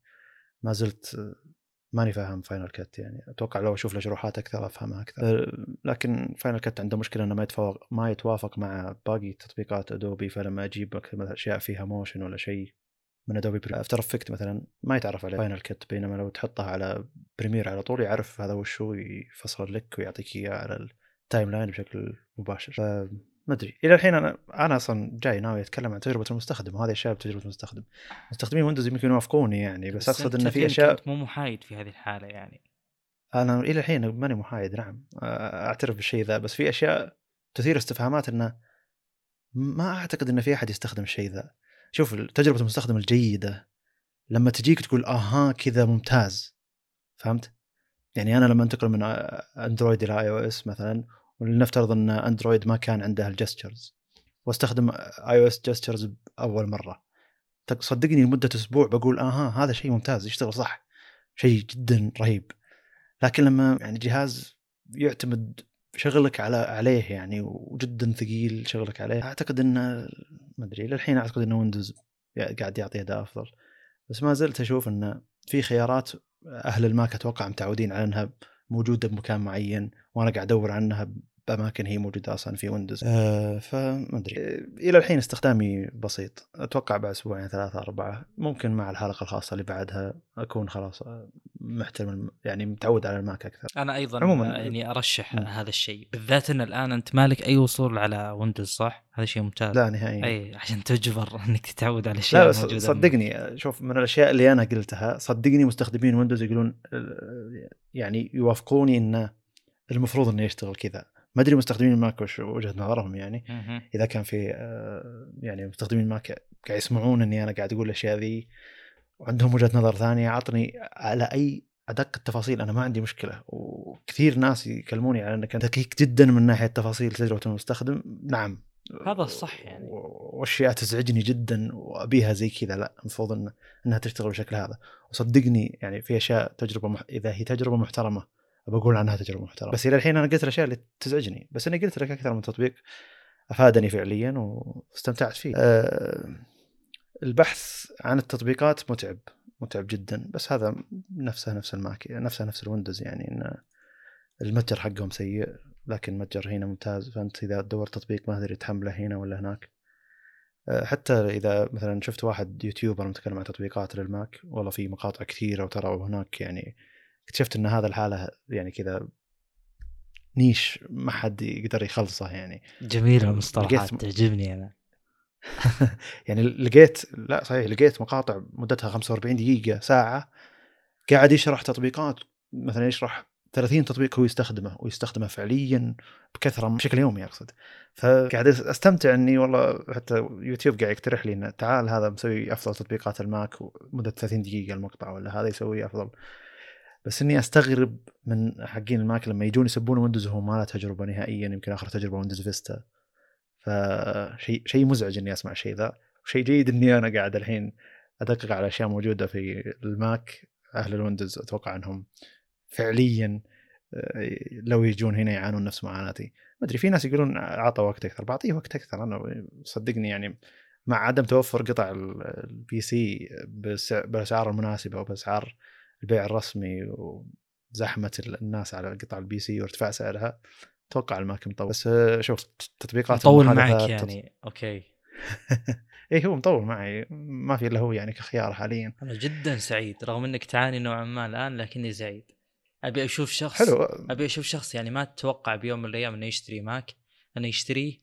وينحد عليه فترة عشان أتوقع الحكم اللي بيطلع منك جدا عادل بعدين يعني. جميل مو مشكلة. آه، يعني أقصد آه، هي أشوف إنها كلها تخدم وأشوف نوعين ال- يعني نوعين الناس اللي يصدرون نفس المحتوى ويفكرون نفس التفكير تلقاهم مخت- مختلفين بين ويندوز وماك.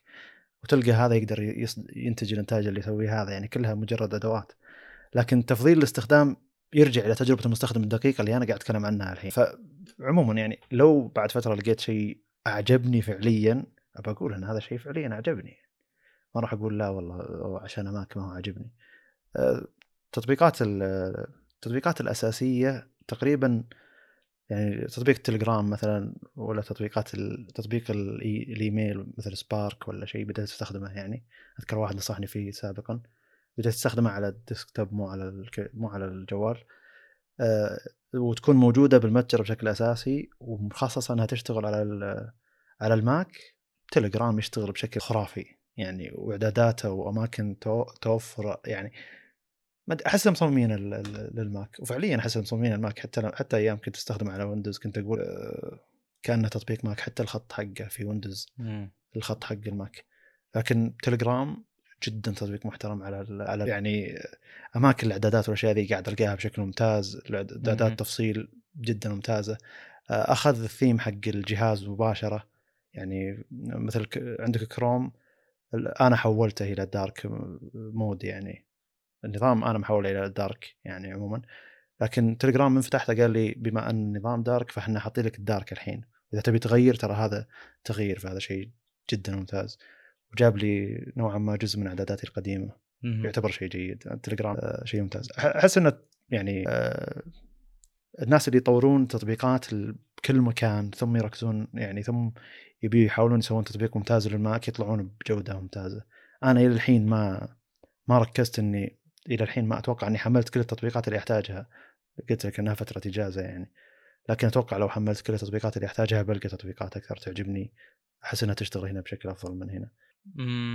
من ضمن الأشياء اللي آه، يعني استغربت منها جدا جدا جدا والمعلومة اللي أنا أقولها صحيحة لأنها من مصدر أصلا آه، اللي هو أن فتحت أنا شفتوا بعد سالفة خرابيط واتساب ما أدري اللي أتوقع بنتكلم عنها اللي هو أن فتحت صفحة مؤسس تليجرام قال حنا بدينا هو طبعا بالذكرى السادسة أو السابعة للتليجرام كتب أن حنا بدينا ب 2014 مدري 2013 كتطبيق مخصص لل iOS. آه، والآن وصلنا لدعم Android وظاهر Windows و Mac وإلى آخره يقول حنا من قلائل التطبيقات اللي أو المنصات اللي دعمهم ب Android أفضل من دعم iOS. وأنا جدا استغربت انه ذكر هذه المعلومة. وليش؟ ما أدري صراحة. بس إنه غريب. هو فعليا قاعد يقول إن تليجرام يشتغل على Android أحسن من iOS. غريبة صراحة. جدا غريبة. يعني ما أدري هو احسه تطبيق ممتاز بكل الأماكن. هو بكل الأماكن يعني- ممتاز ما في خلاف. جدا مم. ممتاز يعني. جدا. آه، يا رجل موجود على Ubuntu تخيل تخيل تكفى تخيل. موجود على Ubuntu يشتغل. واتساب تبحث ما تلقاه ترى. هناك. ما تلقى أي تطبيق تراسل هناك. وتليجرام يشتغل بشكل كامل. آه، يعني لدرجة إن بعض التطبيقات هناك مثلا أنا أحتاج Teams عمل وكذا اللي هو حق مايكروسوفت موجود ب Ubuntu Software اللي هو store حقهم. بس إنه مكتوب عليه preview النسخة غير مستقرة نهائيا. النسخة مرة تعبانة ب Ubuntu وأنا أعاني بهذه الحالة. آه ف يعني ترى دعم التطبيقات خلينا نقول حقت ال users الطبيعيين سيئة هناك. فكون تليجرام واصل هناك هذا شيء مرة أسطوري. يا رجل من كثر الشغف وال- والجوعة الموجودة عند مطورين لينكس عموما أنت بس ارم عليهم قل لهم يا شباب من يقدر يطور آه، تليجرام؟ خلي يجون حقين تليجرام يقولون لهم هالشيء. وكذا volunteering تطوع. صدقني يصير أحسن حتى من حق اللي موجود ب Windows لأن اللي موجودين ب Ubuntu يعني ناس يعني يدورون حلول أفضل و يعني وبجهد عالي يدورون الحلول بشكل كبير جدا. يعني مثلا لو كان في من ضمن الأشياء اللي يحتاج أستخدمها مثلا GlobalProtect اللي هو VPN هذا الشيء آه، طبعا يعتمد عليه آه، شركات كبيرة بالعالم معروف مرة مرة GlobalProtect هو ما هو موجود على Ubuntu فأنا أحتاج أستخدمه. طبعا تبي أنت تحتاج أي VPN client فتلقى في مليون حل ويشتغل بكفاءة أحسن من حتى GlobalProtect فالمقصد إنه يعني في حلول جدا جدا كثيرة موجودة على Ubuntu واتساب عشانه للأسف يعني آه، واتساب ف لأنك يعني شيء closed source فما تقدر يعني مو مدعوم سيء مرة بتجربته ب Ubuntu يعني. أتكلم إن لازم تفتح المتصفح كل مرة. يقعد يشيك أنت متصل ولا لأ وحاله الدنيا. بينما التليجرام بس تضغط زر جوالك طافي يفتح. أدري شطحت بس يعني المقصد إنه ال software اللي يوفر دعم ممتاز على Ubuntu ونعم فيه. أه من ناحية دعم ARM يعني التطبيقات اللي قاعد أستخدمها ما هي داعمه ال ARM قليلة يمكن تطبيقات Adobe وذا. أه ما طلعني إلا مرة واحدة وما قدر ذاك الوقت مع إنه والله ما أدري تطبيقات Adobe مرات هي تطلعك أصلا حتى في Windows وحتى ذاك الميم اللي كان يقول إنك تلحق تضغط Control S قبل لا إنه يعطيك crash Adobe Audition كنت فاتحه وقاعد اعدل البودكاست الأخير يعني. عدلته وقطعت كل شيء وضبطته بدي يعني ما بقى لي يمكن إلا خمس دقائق كذا بس تعديلات بسيطة وسماع أخير. شوي اللي يعطيني خطأ يقول لي تبي تبي تبلغ عنها خطا ولا لا؟ قل ابلغ عنكم أنتم بكبركم ماني مبلغ عن الخطأ ذا بس يعني عادي أكمل تطبيق يا ربع أبي أحفظه بس فما... Control S تكفى. قبل لا تعطيني وش إيه؟ الخطأ سوي Control S وروح عادي. آه الصفحة اللي جتني خلت خلت Adobe Audition يعني يعني ما تقدر تضغط عليه ما تقدر تتحكم فيه نهائيا. يعني مجمد وما تقدر حتى الاختصارات اللي تشتغل عليها ما, راح تشتغل عليه أكيد بما انه وقف. فضاعت مني تقريبا 45 دقيقة شغل آه، مع إنه والله قد صارت لي ب Adobe Premiere على Windows يعني قد طلع وكذا وحاسني بس إني كنت حافظ نسخة مثلا قبل 20 دقيقة شغل ولا قبل 10 دقائق شغل فيكون حذف الشغل الأخير بس انه حافظ الشغل اللي قبل أه Adobe ما أدري أحس إنه شيء متوقع منهم وجربته على Windows فما راح أقول أوه معمارية جديدة أقول ان هذه مشكلة كبيرة وما يشتغل هذا الشيء بشكل ممتاز. أه في بعد وشو صوت المروحة ترى الجهاز شغال 24 ساعة صوت المروحة شغاله المروحة شغاله 24 ساعة بس ما تنسمع تحتاج تحط يدك ورا ال exhaust يعني علشان تحس إنه في هواء قاعد يطلع لكن ما قاعد تسمع صوت المروحة نهائيا. هذا شيء ممتاز الواحد يسجل بودكاست كثير مع إنه المفروض إنه حتى لو معك PC شوي تبعده إذا جيت بتسجل أو يكون عموما يعني المايك حقك ما يأخذ له صوت قريب dynamic microphone المقصد إنه حتى إذا جيت أنام والجهاز موجود جنبي يعني أه ما قاعد أسمع صوت المروحة نهائيا حتى إنه أنام أقوم أقعد ما في أي صوت يعتبر مزعج حتى إنك تحس فيه يعني حتى ما هو صوت ال white ما هو من ال white noise اللي تعود عليها لا ما في صوت ما أدري المروحة تشتغل ولا لا أصلا لو ما أحط يدي ورا. ورا. ورا الجهاز وأشوف إنه في هواء قاعد يطلع.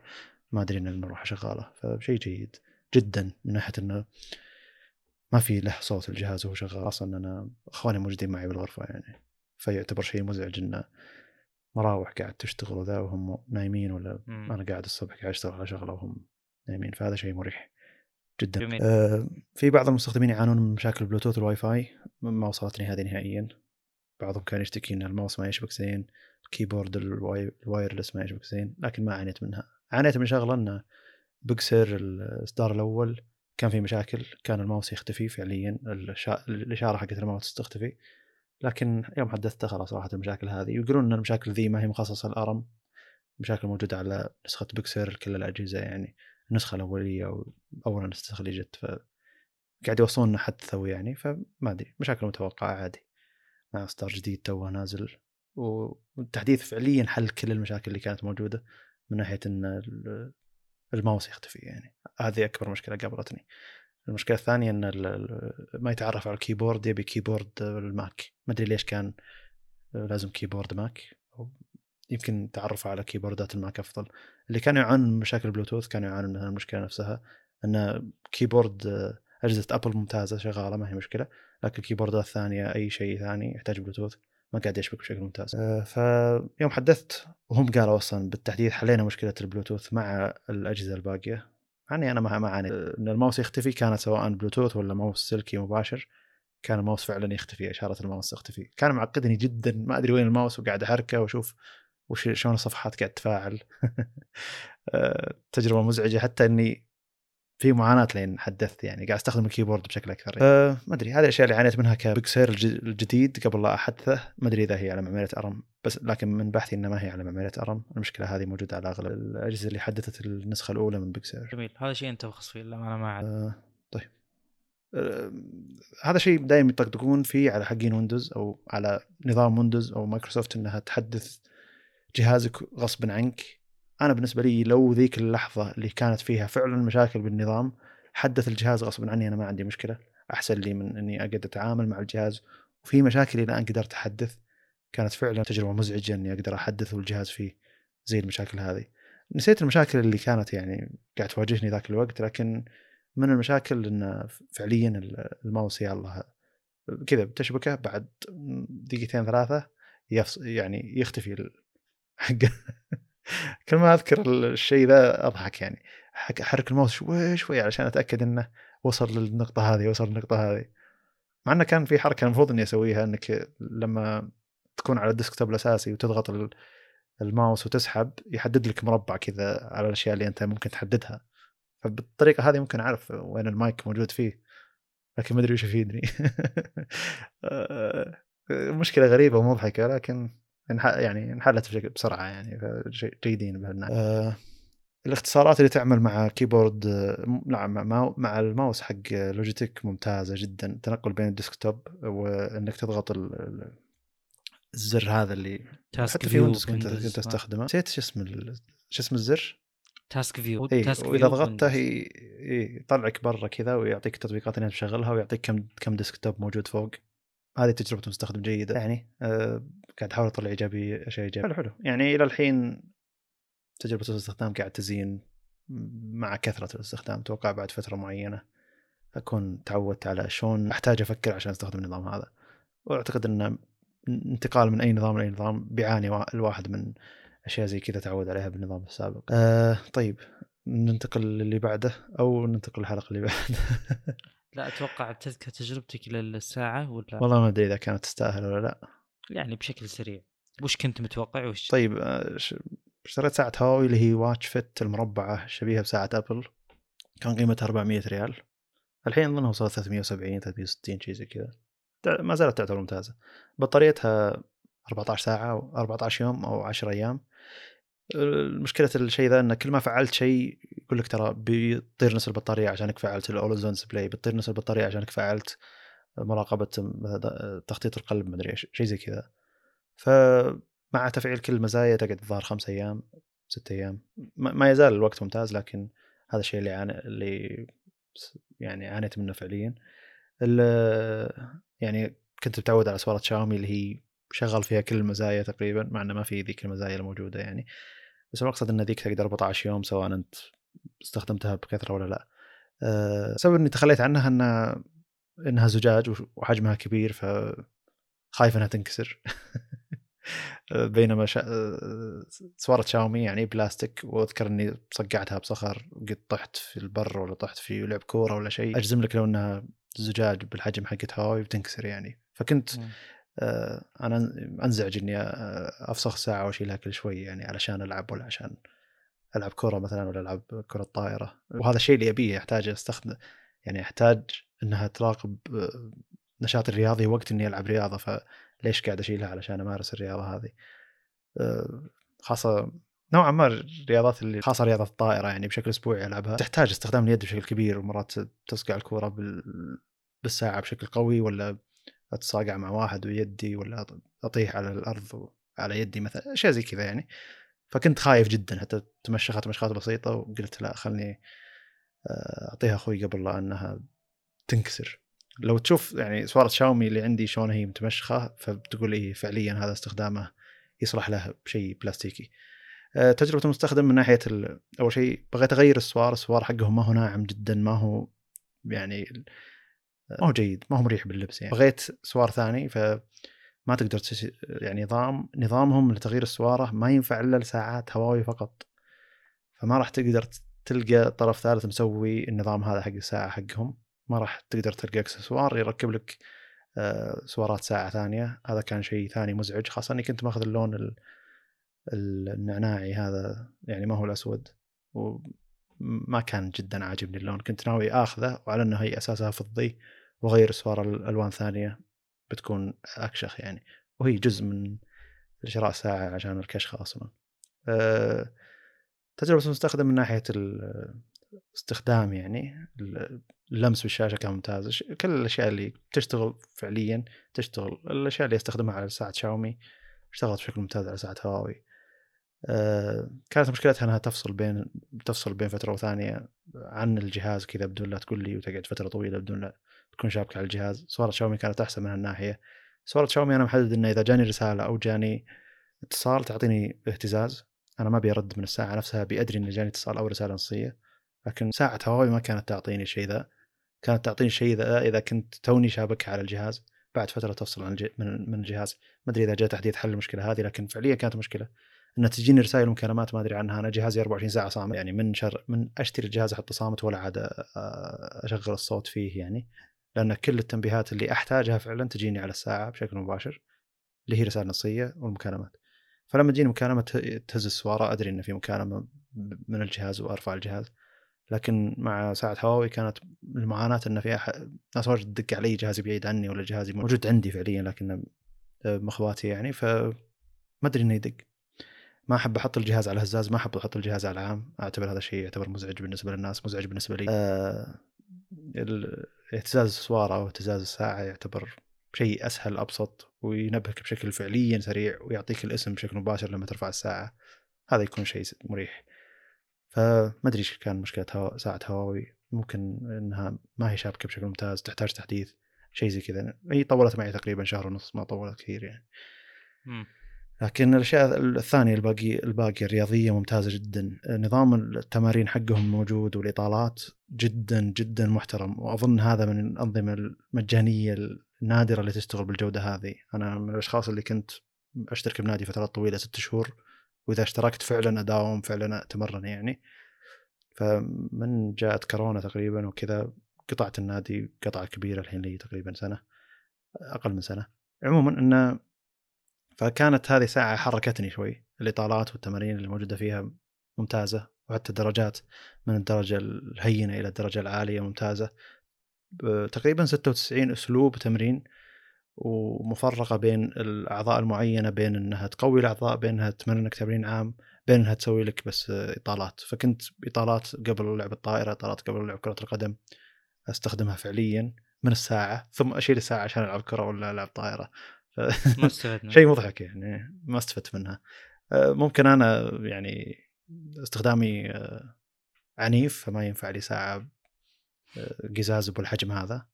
ممكن لو واحد استخدامه أقل عنف ويروح للنادي واستخدامه جيد للساعة يعني ما تضطر ان الساعة يجيها است... أي شيء سواء كرة أو طيحة أو يد ثانية أو تطيح من يدك مرات يعني إنه خاصة إذا كان السير ما هو مضبوط زين. بس إنه لا السير حقها ممتاز من ناحية إنه صاك على على اليد. توقعت إنها مريحة أكثر بحكم إن وزنها خفيف لكن الساعة المستشعرات حقتها من من تحت الساعة طالعة بارزة بروز كبير فالساعة ما تجي كذا فلات على اليد ما تجي فلش مع ال مع ال مع الريست يعني مع الذراع. آه، يعني مسافتين فاضية ثم المستشعرات تحس إنها ضاغطة على يدك فلما تحاول تشد الساعة علشان تصير صاكه فعلا على يدك المستشعرات ذي تضغط أكثر بينما الساعة تصير ما هي صاكه بشكل ممتاز. أنا كنت أحسها مشكلة سير ممكن لو أغير السير تغير النظام لأن السير مطلع لأن السير يعني صاير برا الساعة بشكل بسيط كذا قاسي ثم آه، منحني يعني. آه، ما أدري ليش الأسلوب هذا يعني.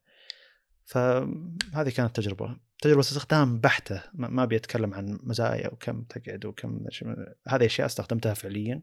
هذه هذه السلبيات اللي حصلتها والإيجابيات اللي حصلتها. آه في مشكلة بال أنا أستخدم المؤقت اللي فيها كثير ما يحفظ لك اعدادات إعدادات مسبقة للمؤقت ولا في إعدادات سهلة للمؤقت. يعني دقيقة الظاهر خمس دقائق ربع ساعة نص ساعة. طبعا ابي طبعا أبي دقيقة دقيقتين ثلاثة. مع إنه في العادة الناس ما تستخدم دقيقة دقيقتين ثلاثة. لكن لو سوي إعداد مخصص إنك تخصص كم دقيقة فعليا أو ساعة وربع أو ساعة وعشر ياخذ وقت منك. ساعة هواوي أو ساعة شاومي كانت تعطي يعني إعداد أسرع فعليا. يعني تقول لك حدد الساعات حدد الدقائق بشكل أسرع وخلاص. مع إنه ما تعطيك حد ساعات لأنها ما الظاهر ما تعطي إلا دقائق. فترفعها أنت بس إلى الدقائق اللي أنت تبيها وتمشي معك بشكل مباشر. إذا تبي تحدد الثواني تلمس على الثواني وتضغط زر فوق أو تحت. هذه بساعة شاومي. لكن ساعة هواوي نسيت الأسلوب بس أنا كان مزعجني. أه وما يحفظه ك يعني أنا مثلا دائما موقت سبع دقائق أو عشر ست دقائق لشيء معين. ساعة شاومي تحفظ إنك أنت قاعد تسوي ست دقائق فتحط لك الأعداد الأول ست دقائق خلاص خذها على طول. أه مثلا لما أسوي شاهي ولا اوقت شيء معين خلاص يعني بعد سبع دقائق إلا الشاهي بيكون ممتاز شيل الورق مثلا. خلاص يعني أحطها أدخل من أشوف ست دقائق أضغط عليها بشكل مباشر. هواوي لا لازم كل مرة تدخل عليها تحط الست دقائق اللي أنت تحتاجها. إيه، سبع دقائق اللي أنت تحتاجها يعني. أه ما أدري تجربة الحقيقة جدا دقيقة ف احس إني أنا اليوم لا بس هذه الأشياء اللي تفرق المفروض إنهم نعم. موفرينها إي بس أحس انه يعني لو يجي واحد يقول لهم ترى آه، شاومي مسوينها كذا المفروض تسوونها كذا شيء سهل. مسؤوليتهم إنهم هم. يعرفون المفروض نعم آه، يوظفون واحد زيي وأبد يسهلونها يعني. آه، طيب نعتبر هنا انتهينا من الحلقة الخاصة نعم. الحلقة الخاصة بتكون ما أدري إحنا آخر حلقة خاصة من متى سجلناها بس هي بتكون إن شاء الله يعني حاليا أكيد إن نهاية السنة يعني بيجي ملخص والملخص هذا بيكون بحلقة خاصة ما راح يندمج مع أخبار ال- الأساسية لأن ما راح بنعيد الحلقة أخبار السنة الماضية ثم نعطيك أخبار حقت الأسبوع ذا ما راح تصير. بتكون ملخص آه، السنة الماضية مع الحلقة الخاصة. وبالعادة كل ما جتنا أشياء جديدة تجارب جديدة بنخصص حلقة خاصة إن شاء الله. اكتشفت إن ترى في أكثر من شخص طالبين حلقة خاصة تكفون تكلموا. يعني ما أدري إذا كانوا يبون يتكلمون عن أشياء جديدة إحنا اشتريناها فعليا ولا هو حاب اسلوب الحلقة الخاصة عشان قاعد يتعرف علينا شخصيا أكثر يعني. أه شكرا لكم عندك أي شيء بتقوله لا بس بالأخير. توقعي الحلقة الخاصة الجاية انه أقرب بكثير من نهاية السنة أقرب بكثير أكيد أكيد بس أنا. أقصد انه أكيد إن آخر السنة فيه. بس انه ال- خلال السنة كاملة على حسب اقتناءاتنا يعني مم. أنا والله عندي ما راح أخلص بس عساني ألقى الوقت أصور ونسجل الحلقة الخاصة لأن في في محتوى كثير. جميل. أه وعد جيد يعتبر هذا. ان شاء الله. السلام عليكم.